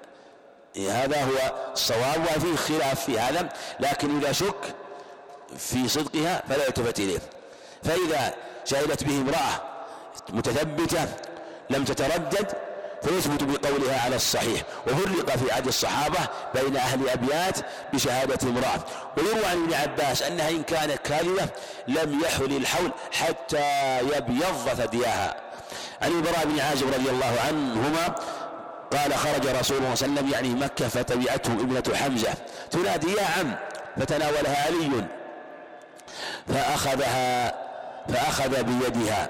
فأخذ بيدها وقال لفاطمة دونك ابنة عمك. فاحتملتها لأنها لأنها بنت عم آه، أبيها حمزة عم النبي عليه الصلاة والسلام. نعم. فاحتملتها. فاختصم فيها علي وجعفر بن أبي طالب وزيد بن حارث. كلهم يقول أنا أولى بها. مسارعة إلى الخير. فقال علي أنا حق بها وهي ابنة عمي. وقال جعفر ابنة عمي. ابنة عمي وخالتها تحتي يعني أدلى بشيء آخر. خالة آه ابنة حمزة. وقال زيد ابنة أخي في الإسلام. فقضى بها رسول الله خالته وقال الخالة بمنزلة الأم. خالة بمنزلة الأم. وهذا في الحضانة وهذا في الحضانة. وفي دليل على أنه إذا استوت امرأتان أنه في حال الحضانة تقدم يعني التقديم هنا من جهة أنه قدم الخالة مع أن عمتها موجودة عمتها صفية موجودة وهي أولى على الصحيح لكن لأن القاعدة أنه إذا وجد امرأتان امرأتان إحداهما تدلي بها من جهة أمها والأخرى تدلي بها من جهة أبيها وهما في درجة واحدة يعني هذه أخت الأب وهذه أخت الأم. أيهما أولى؟ الجمهور على أن التي جهة الأم أولى. وذهب تقي الدين وابن القيم وشيخ الإسلام وابن القيم إلى أن التي جهة الأم هي أولى. هي الأولى. وهذا هو الأظهر أنه إذا اجتمع امرأتان فإن التي من جهتها فالعمة أولى من الخالة. والأخت لأب أولى من الأخت من أم. وأن التقديم دائما يكون من جهة العصب لا في ولاية المال ولا في ولاية الزواج ونحو ذلك. التقديم عصب. ويدل على ذلك أن القول هذا مضطرب جدا. وقد بسط ابن القيم رحمه الله بسطا عظيما في كتابه زاد المعاد. وقد يقال لماذا لم يقضي بها صفية؟ قال ابن القيم وجماعة آه، إن صفية لعلها لم تطلبها وكانت كبيرة ولم تطلبها. ولهذا من كان له حق فترك تنازل عنه. ففي هذه الحالة لا يقال لا يلزم به لا يلزم به. هذا مع مع أن الحق قد يكون عليه يعني يعني الحق قد يكون الشخص إذا تنازل تنازل عنه وكالحق يلزم. لكن إذا كان الحق عليها وفيها وكان فيه من آه، يريد القيام به في هذه الحالة لا يلزم. لا يلزم أن الحق على الحضانة في الحقيقة حق على المحظون حق على الحاضن حق على الحاضن للمحظون هذا الصحيح ولهذا ينظر فيه لمصلحته. ولهذا إذا افترق الرجل والمرأة فالنبي عليه يقول أنت حق به ما لم تنكحي. حق به ما لم تنكحي. فإذا نكحت في هذه الحالة فالرجل. لكن لا نقول على أن الرجل أحق وأن المرأة حق مطلقا. بل لو كان بقعه عند أبيه في ضرر لا ينتبه إليه فإن المرأة حق به إذا تيسر ذلك وأمكن له كانت متزوجة وبالعكس وبالعكس لو كانت المرأة غير متزوجة وعندها ابنها لكنها أو بنتها وهم وهي لم تنتبه لهم وربما ضيعتهم فإنه في هذه الحال لا تقر عليه. ومما يذكر في هذا أن أبا العباس شيخ الإسلام رحمه الله حضر مرة عند أحد قضاة المالكية ودخل رجل وامرأته وابنه مع صبي مميز صبي. فمعلوم أنه في هذه الحال يخير مميز يخير إذا صار مميز يخير آه، في فقال له اختر فاختار أباه اختار أباه. قالت أمه سله لأي شيء اختار أباه. فقال لما اخترت أباك؟ قال أبي يتركني أذهب ألعب مع الصبيان ويعطيني المال وأمي تأمرني أن أذهب إلى الكتاب. فإذا لم أذهب ضربتني فنزعه من أبيه وجعله في يد أمه وجعله في يد أمه. وهذا مقتضى مذهب جمع من العلم ولهذا لأن لأن لأن المراد هو مصلحة المحظوظ. ليس مصلحة الحاضن فإذا كان يريعه أو كانت تريعه فلا يجوز أن يقر عليه هذا أمر يقضي به الحكام. وفيه هنا قال والخالة منزلة أم. وقال لعلي أنت مني وأنا منك. قال جعفر أشبهت خلقي وخلقي. وقال لزيد أنت أخونا مولانا صلوات الله وسلامه عليه. أرضى الجميع بالكلام الطيب. عليه الصلاة والسلام. وهو من رسول الله صلى الله عليه وسلم. ومما يذكر في هذا أن رجلا قال يا رسول حديث صحيح رواه أبو داود وغيره أن رجلا قال يا رسول الله إني ارتكبت ذنبا عظيما. فهل من شيء يكفره؟ قال لا هل لك من والدة؟ قال لا والله يا رسول قال هل لك من خالة؟ قال قال فبرها. فبرها. جعل الخالة بمنزلة الأم. يعني اجتهد في برها فإنك يرجو أن تلحق ببر أمك ببرك بخالتك. كتاب القصاص. قال عن عبد الله بن مسعود رضي الله عنه قال قال رسول الله صلى الله عليه وسلم لا يحل دم امرئ مسلم يشهد أن لا إله إلا الله وأني رسول الله إلا بإحدى ثلاث ثيب الزاني والنفس بالنفس التارك دين فارق للجماعة. هذا هو الأصل المحكم وهي الأصول في هذا الباب وأنه لا يجوز أن يسفك دم امرئ مسلم إلا بإحدى الثلاثه الثيب الثيب الزاني الثيب الزاني هو الذي تزوج ودخل وجامع في نكاح صحيح. فبعدما من الله بهذه النعمة فيكفرها ويقع في الزنا فكان جزاء هذا الجزاء الشديد.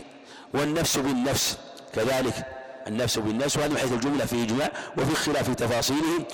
والتارك الدين فارق الجماعة يدخل في أشياء كثيرة منها تارك الصلاة فإنه إذا أصر على ذلك فإنه يقتل ومنها المبتدع المفارق للجماعة. إذا لم يمكن ذلك إلا بقتله فإنه يقتل يرتدع ومن ذلك المحارب لله ولرسوله وخروج على أهل الإسلام. إذا لم يكن دفع شره إلا بقتله يقتل. ومن ذلك عند جمع جمع من أهل العلم من تكرر منه شرب الخمر فلم يرتدع. فإن صحت الأخبار بذلك الكثير عن النبي عليه الصلاة والسلام من حديث الله بن عمرو ومعاوية وأبي هريرة وأحاديث أخرى كثيرة أنه يعني يجوز قتله في هذه الحال لأنه من المفسدين إذا تكرر منه واستمر وظهر فساده وشره ومن دعاة الفساد والبدعة والضلال الذين يفسدون في الأرض آه، بالبدع والضلالات ولم يرتدعوا فإن بطن الأرض خير لأهل الإسلام من لهم من ظهرها لما في دفعهم وقتلهم من دفع شرهم وفسادهم ويحصل من البلاء والفساد وهذا مأخوذ من قوله التارك لدينه مفارق الجماعة وعلى هذا يكون التارك لدينه يشمل أمرين التارك بالكلية وهو المرتد.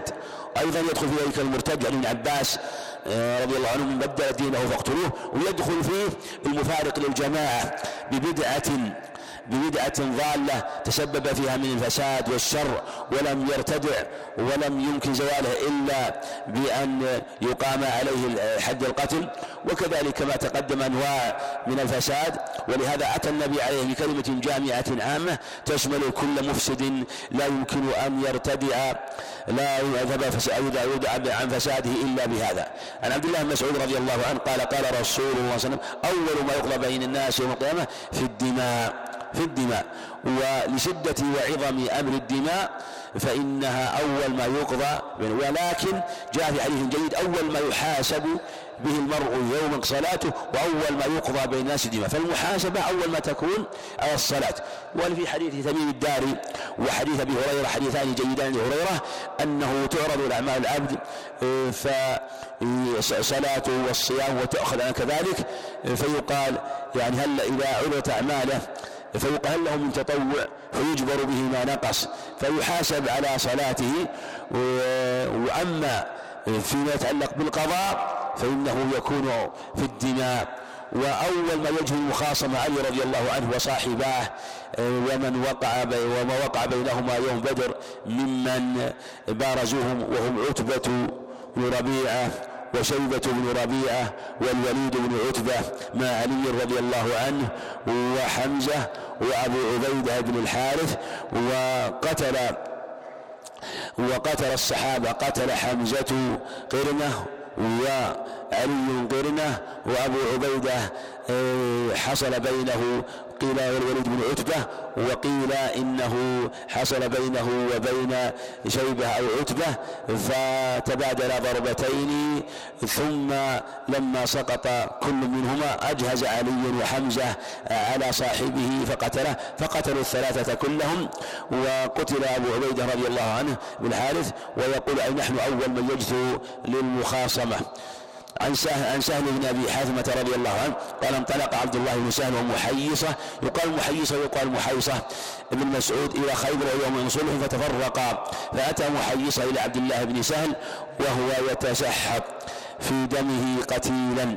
قتله اليهود وهم قوم أهل غد. ثم قدم المدينة ثم قدم المدينة فانطلق عبد الرحمن يعني قدم آه، محيصة.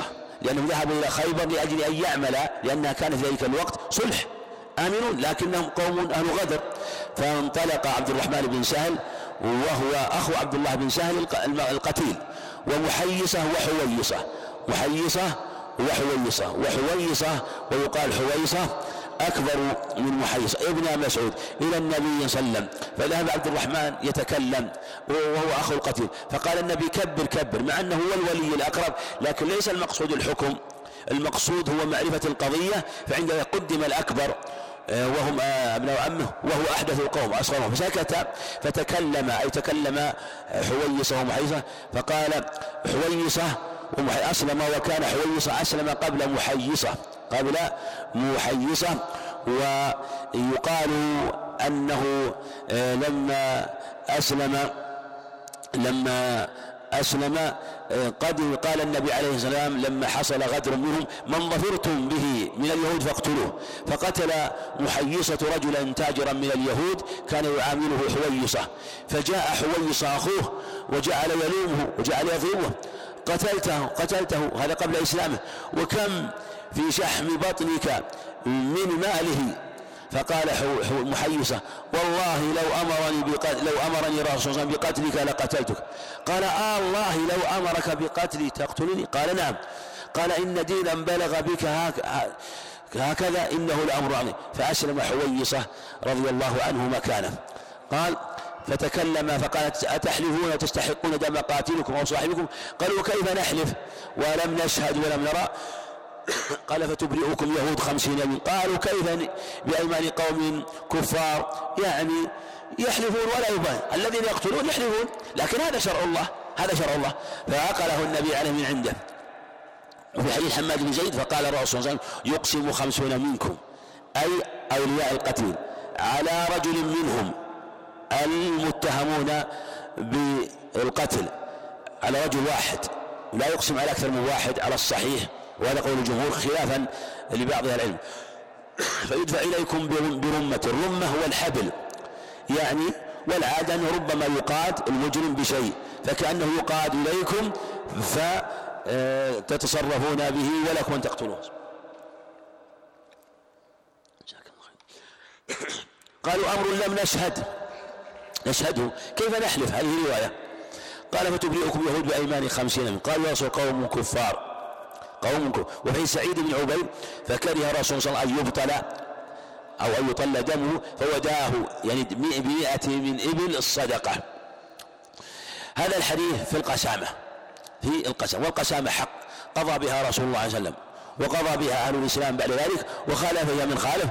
وممن لم يأخذ بها البخاري رحمه الله وجمع من أهل الله لكن اختلفوا. هل القسامة توجب القود أو الدية والصواب أنها توجب القود والقسامة من القسم وهي اليمين وهي أن يقسم من أولياء القتيل جماعة. إن بلغوا خمسين أقسم كل واحد يمين. إن لم يبلغوا خمسين فتقسم. فإن كانوا عشرة كل واحد يقسم خمسة. إن كانوا خمسة كل واحد يقسم عشرة. إن كانوا ثلاثة فإن كل واحد يقسم سبعة عشر يمينا ولا آه، يجبر الكسر يعني إذا صار في زيادة بلغت واحد وخمسين يمين يجبر الكسر يقسمون على رجل معين. هذا الرجل يقسمون عليه. هم لا يقطعون بأنه قتل لكن يغلب على الظن أنه القاتل. ما الذي يغلب الظن؟ يسميه العلماء اللوث. اللوث ما هو؟ هو العداوة. فإن واختلفوا في اللوث ما هو؟ ما هو اللوث هذا؟ فاللوث كل أمر تثبت به العداوة بين القتيل ومن يتهم. ولا شك أن العداوة بين أهل الإسلام واليهود عداوة ظاهرة. وإذا قتل ووجد بينهم فهم المتهمون. فهذا أمر مظنون. فيعينون رجلا معينا لسبب بينه وبينه شيء من عداء ونحو ذلك فيقسمون عليه. وكذلك أيضا لغير الإسلام لو بين قبيلتين أو جماعتين أو حيين قتل إنسان. وكان أهل, أهل, أهل الحي هذا مع الحي هذا بينهم عداوة ونزاع. مثلا أو جماعتان بينهما عداوة فوجد قتيلا عند إحدى الجماعتين. فهذا لوث يسمى لوث. فماذا يصنعون؟ يقول ما عندنا بينة من قتله. هذا الحي أو هذه القبيلة بالمئات. نقول عينوا واحد عينوا واحد. فإذا عينتم واحدا تقسم منكم تقسمون خمسين يمينا تقسم بينكم. ثم بعد ذلك يقاد إليكم برمته ولكم أن تقتلوه. وهذا هو الصواب ودلت عليه السنة. وثبت في مسلم حديث أبي سلمة عبد الرحمن عن رجل عن الصحابة أن النبي عليه الصلاة قضى بالقسامة وكان يقضى بها في الجاهلية لكن الجاهلية كان يثبت بها الدية لا يثبت بها الدم والنبي عليه الصلاة والسلام أثبت بها آه، الدم. ولا أحكام كثيرة والصحيح في الرواية أن النبي عليه الصلاة والسلام سألهم البينة ثم لم يقول لم قال ليس عند بينة. فقال تحللون قال قوم كفار. فقال إذا يقسم اليهود قال لا نرضى. فوداه النبي عليه السلام هل هو من عنده أو مال الصدقة؟ الأظهر والله أعلم. أنه وداه من عنده وداه من عنده آه، عليه الصلاة والسلام آه، وقيل وداه من ابن الصدقة وجوز بعض العلماء في هذه الحالة يؤخذ من ابن الصدقة لكن نظر في هذا بعض العلماء وتوقفوا فيه. قال عن أنس بن مالك رضي الله عنه أن جارية وجد رأسها مربوضا بين حجرين فقيل من فعل هذا بك؟ فلان فلان. هذا أيضا من اللوث. هذا أيضا من اللوث. عند بعض العلماء لو أنه مثلا قتل إنسان وجدناه في آخر رمق لحقنا به سألناه من قتلك؟ قال فلان. ما عندنا بينة. ذهب بعض العلماء إلى أنه يقسم أولياء القتيل على هذا الذي سماه القتيل لأنه لا يمكن أن يذكر في هذه الحالة وفي آخر يوم الدنيا. لا يمكن أن يسمي شخصا لم يقتله. لا يمكن. يبعد أن يقصد إنسان بينه وبين عدو ما قتله. وهذا قول مالك رحمه اختار تقي الدين. والجمهور قالوا لأنه في مثل هذه الحال حال شدة وما وهو في آخر رمى. قد يتكلم بكلام آه، لا لا يعقله ولا يدرى هل هو متثبت لأنه في آخر رمق لكنه عندهم من اللوث. ومن اللوث عندهم لو شهد به صبيان أو شهادة ناقصة شهادة واحد مثلا أجره مجرى اللوث. المقصود أنه إذا كان عندنا ظن فإنه مع الأيمان يستحق بها أولياء القتيل دم هذا الذي حلفوا عليه. حتى ذكر حتى ذكر يهودي فأومت برأسها فأخذ اليهود فاعترف. ما اكتفى النبي بذلك بل اعترف فأمر النبي أن يرض رأسه بين حجرين. وفيه أن يفعل به مثل ما وهذه الصواب أن كل من فعل بإنسان فقتله قتلة شنيعة فإنه يقتل مثل ما قتل. فلو أنه قطع يده ثم رجله ثم قتله فإنه تقطع يده ورجله ورجله ثم تقتله. ولو أنه غرقه فإنه يغرق. ولو أنه خنقه حتى مات فإنه يخنق. ولكن قالوا لا يفعل به المحرم فلو جرعه الخمر ها؟ فلا يجوز أن يجرع خمرا مثلا. ولو حرقه بالنار يحرق؟ في خلاف. والصواب أنه لا يحرق بالنار. لحديث ابن عباس وأبي هريرة في صحيح البخاري وحديث أبي أسيد وابن مسعود عند أبي داود لا يحرق بالنار إلا رب النار. ولمسلم والنسائي عن انس إن قتل جارية على أوضاح يعني من ذهب على أوضاح من ذهب من الوضح والبياض وهو نوع وهو الحلي الحلي من ذهب فأقاده رسول الله صلى الله عليه وسلم. وفيه قوت الرجل بالمرأة والمرأة بالرجل. عن أبي هريرة رضي الله عنه قال لما فتح الله تعالى على رسول مكة قتلت هليل رجلا من بني ليث بقتيل له كان له في الجاهلية. فقام رسول الله فقال إن الله عز وجل قد حبس عن مكة الفيل وسلط عليها رسوله والمؤمنين. قصة الفيل معروفة وسلط عليها رسوله من في دلالة على أن مكة فتحت عنوة. وهذا هو الصواب وقول الجمهور خلافا للشافعي رحمه الله. وإن لم تحل لأحد قبل كما تقدم في الأحاديث بشريح وابن عباس. وحديث أخرى ولا تحل لأحد ولا ولا تحل لأحد بعدي إنه حلت لي ساعة من نهار. وتقدم أنها من صلاة من طلوع الفجر أو من صلاة الفجر إلى العصر أو قال إلى غروب الشمس كما هي عند أحمد. وإن ساعتي هذه هذه حرام. ولا يعضد شجرها ولا يختار خلاها ولا يعضد شوكها ولا تلتقط ساقطتها إلا لمرشد كل هذا تقدم. ومن قتل له قتيل فهو بخير النظرين. أي الأمرين؟ ينظر أي الأمرين يأخذ. إما أن يقتل أو يقتل يعني يقتل القاتل وإما أن يدي يعني يأخذ الدية. فقام رجل من أهل اليمن يقال أبو شاهن. شاهن بالتنوين. فقال يا رسول الله اكتبوا. فقال رسول الله صلى الله عليه وسلم اكتبوا. فقال يا رسول اكتبوا لي في دلالة على جواز كتابة العلم. أما قوله عليه الصلاة والسلام عليه سعيد خذي لا تكتبوا عني شيئا غير القرآن ومن كتب عني شيئا غير القرآن فليمحه. هذا رواه مسلم. هذا إما منسوخ وإما أنه محمول على كتابة القرآن مع غير القرآن في صحيفة واحدة ومكان واحد خشية أن يختلط غير القرآن بالقرآن ولا فقد كتب الصحابة كتب عبد الله بن عمرو وغيره من الصحابة كتبوا رضي الله عنهم العلم. ثم وكان كثير من السلف يكتب كل ما سمع ويقول لا تكتب بكتابه فإن لم يجد شيئا يعني يكتب كتب في الجدار ولو في الجدار. كان بعضهم يقرر العلم إذا مرت به الفائدة يقررها يحاول يقرر العلم مع زملائه. وكان بعضهم إذا لم يجد أحدا من أصحابه جعل يقرر على عنزة ولا شاته حط عنزة قدامه شاته يقرر عليها حتى يكون أبلغ في ضبط العلم وفي فهم العلم. يعني التقرير على المقابل يكون أثبت في ضبط العلم وهو المذاكرة. قال بعضهم مذاكرة ساعة خير من مطالعة ليلة.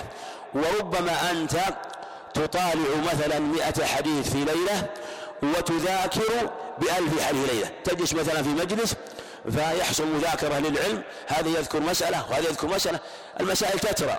أنت هذه الأحاديث لا تحفظها لكن حينما يذكرها تذكر هذا الحديث تذاكر مذاكرة. فمذاكرته لك يحيي العلم لأنك أولا تلقي إليه بالنظر والسمع فيسمعه تسمعه أذناك ويعيه قلبك وتنظر عينك تلقي حواسك كلها. بخلاف ما إذا قرأت وطالعت فإنها لا تتوفر عليه شيء فالمذاكرة لها فوائد وكان كثير من السلف للذة المذاكرة يمضي عليهم الوقت وهم لا يشعرون. وما يذكر عن عن الإمام أحمد رحمه الله وأبو بكر بن أبي شيبة وقتيبة بن سعيد أنهم مرة خرجوا من المسجد بعد صلاة العشاء فجعلوا يتذاكرون مسألة. من مسألة إلى مسألة الحسنة أخت الحسنة ومن أعظم الحسنات العلم فجعلوا يتذاكرون. حتى سمعوا الأذان وهم قائمون أقدامهم وهم يتذاكرون. فافترقوا على أن يلتقوا مرة أخرى. من شدة أنس بالعلم لم يحسوا بتعب رحمهم الله ورضي الله عنهم. نعم قال فقال اكتبوا لأبي شاهد ثم قام العباس فقال يا رسول الله إلا الإذخر فإنه نجعله في بيوتنا وقبورنا. فقال رسول الله إلا الإذخر في أنه لا بأس بالإستثناء بعد السكوت. فلو قال إنسان والله ما أزور فلان. حلف. قال له أخوه قل إن شاء الله. ثم سكت ثم قال إن شاء الله. الصحيح أنه لا يحنث. أنه لا يحنث. إذا قال ولو فصل بين كلامه بكلام أجنبي لكنه بكلام وعلى حديث سلمان على سليمان عليه الصلاة والسلام لما قال له صاحبه الملك قل إن شاء الله ولو قال إن شاء الله لكان دركا لحاجته. عاد خلاف كثير في هذه المسألة لكن إذا كان بهذا القدر فلا بأس. عن عمر بن الخطاب رضي الله عنه استشار الناس في إملاص المرأة فقال المغيرة بن شعبة الثقفي رضي الله عنه شهدت النبي صلى الله عليه وسلم في بغرة, بغرة عبد أو أمة فقال تأتين من يشهد معك فشهد معه محمد ومسلمة إملاص المرأة أن تلقي جنينها ميتا. الإملاص هو أن تملصه وأن يسقط ميتا فهذا فيه عشر دية أمة مقدر بخمس من الإبل وهو نصف عشر دية أبيه. هذا هو إمراس المرأة وهو نصف وهو عشر دية أمه. قدر بهذا عند أهل العلم. فإذا كان مثلا من من الدنانير من يعني آه، من الدنانير. فهو بالدينار يعني الدية ألف مثقال ونصف عشر آه، للرجل يعني فهو خمسون دينار خمسون دينارا خمسون دينارا. فالمقصود لكن الآن قدرت بالدية قدر قدرت الدية الآن 300 للرجل ونصفها للمرأة في باب الخطأ و400 للعمد ونصفها للمرأة. ف يعني على هذا نصفها يعني 150 للمرأة في باب الخطأ. فالعشر يعني مقدار خمسة عشر ألف. على هذا ظن 300 الظاهر هي موجودة صدر فيها مرسوم وقررت أيضا من أهل العلم رحمة الله عليهم. ووفقهم الله لكل خير. عن أبي هريرة رضي الله عنه قال اقتتل قال اقتتلت امرأتان من هذين فرمت إحداهما الأخرى بحجر فقتلتها وما في بطنها فاختصموا إلى النبي صلى الله عليه وسلم. فقضى رسول الله صلى الله عليه وسلم أن دية جنينها غرة عبد أو أو وليدة وقضى بدية المرأة على عاقلتها ورثها ولدها ومن معهم. والمعنى أنه لا يرث القاتل منها شيء لا يرث القاتل منها شيء إنما تكون موروثة عنه. خلينا نكمل الحديث. فقال فقام حمل بن نابغ الهدري فقال يا رسول الله كيف أغرم من لا شرب ولا أكل ولا نطق ولا استهل فمثل ذلك يطل يعني يبطل. فقال رسول الله رسول الله صلى الله عليه وسلم إنه من إخوان الكهان من أجل سجع الذي سجع يعني تكلف السجع وأنه بين وأنه لا يرد حكم الشارع ولهذا يضمن ولو كان آه، يعني لم ينطق ولم يستهل. عن عمران بن حسين رضي الله عنه أن رجلا عض يد رجل فنزع يده من فمه فوقعت ثناياه. فاختصموا إلى النبي صلى الله عليه وسلم فقال يعض أحدكم أخاك كما يعض الفحل لا دية لك. في أنه إذا اختصم رجلان فعض أحدهما الآخر فنزع يده فسقطت ثناياه فإنه لا دية للعاض لأنه هائج وثائر ومعتدي. أم وعلى الصحيح لا يشترط أن يكون العض شديدا. فلو جاء عضه عضا يسيرا فنزع وسقطت فلا دية له لأنه صائل والصائل لا دية له. نعم والله أعلم.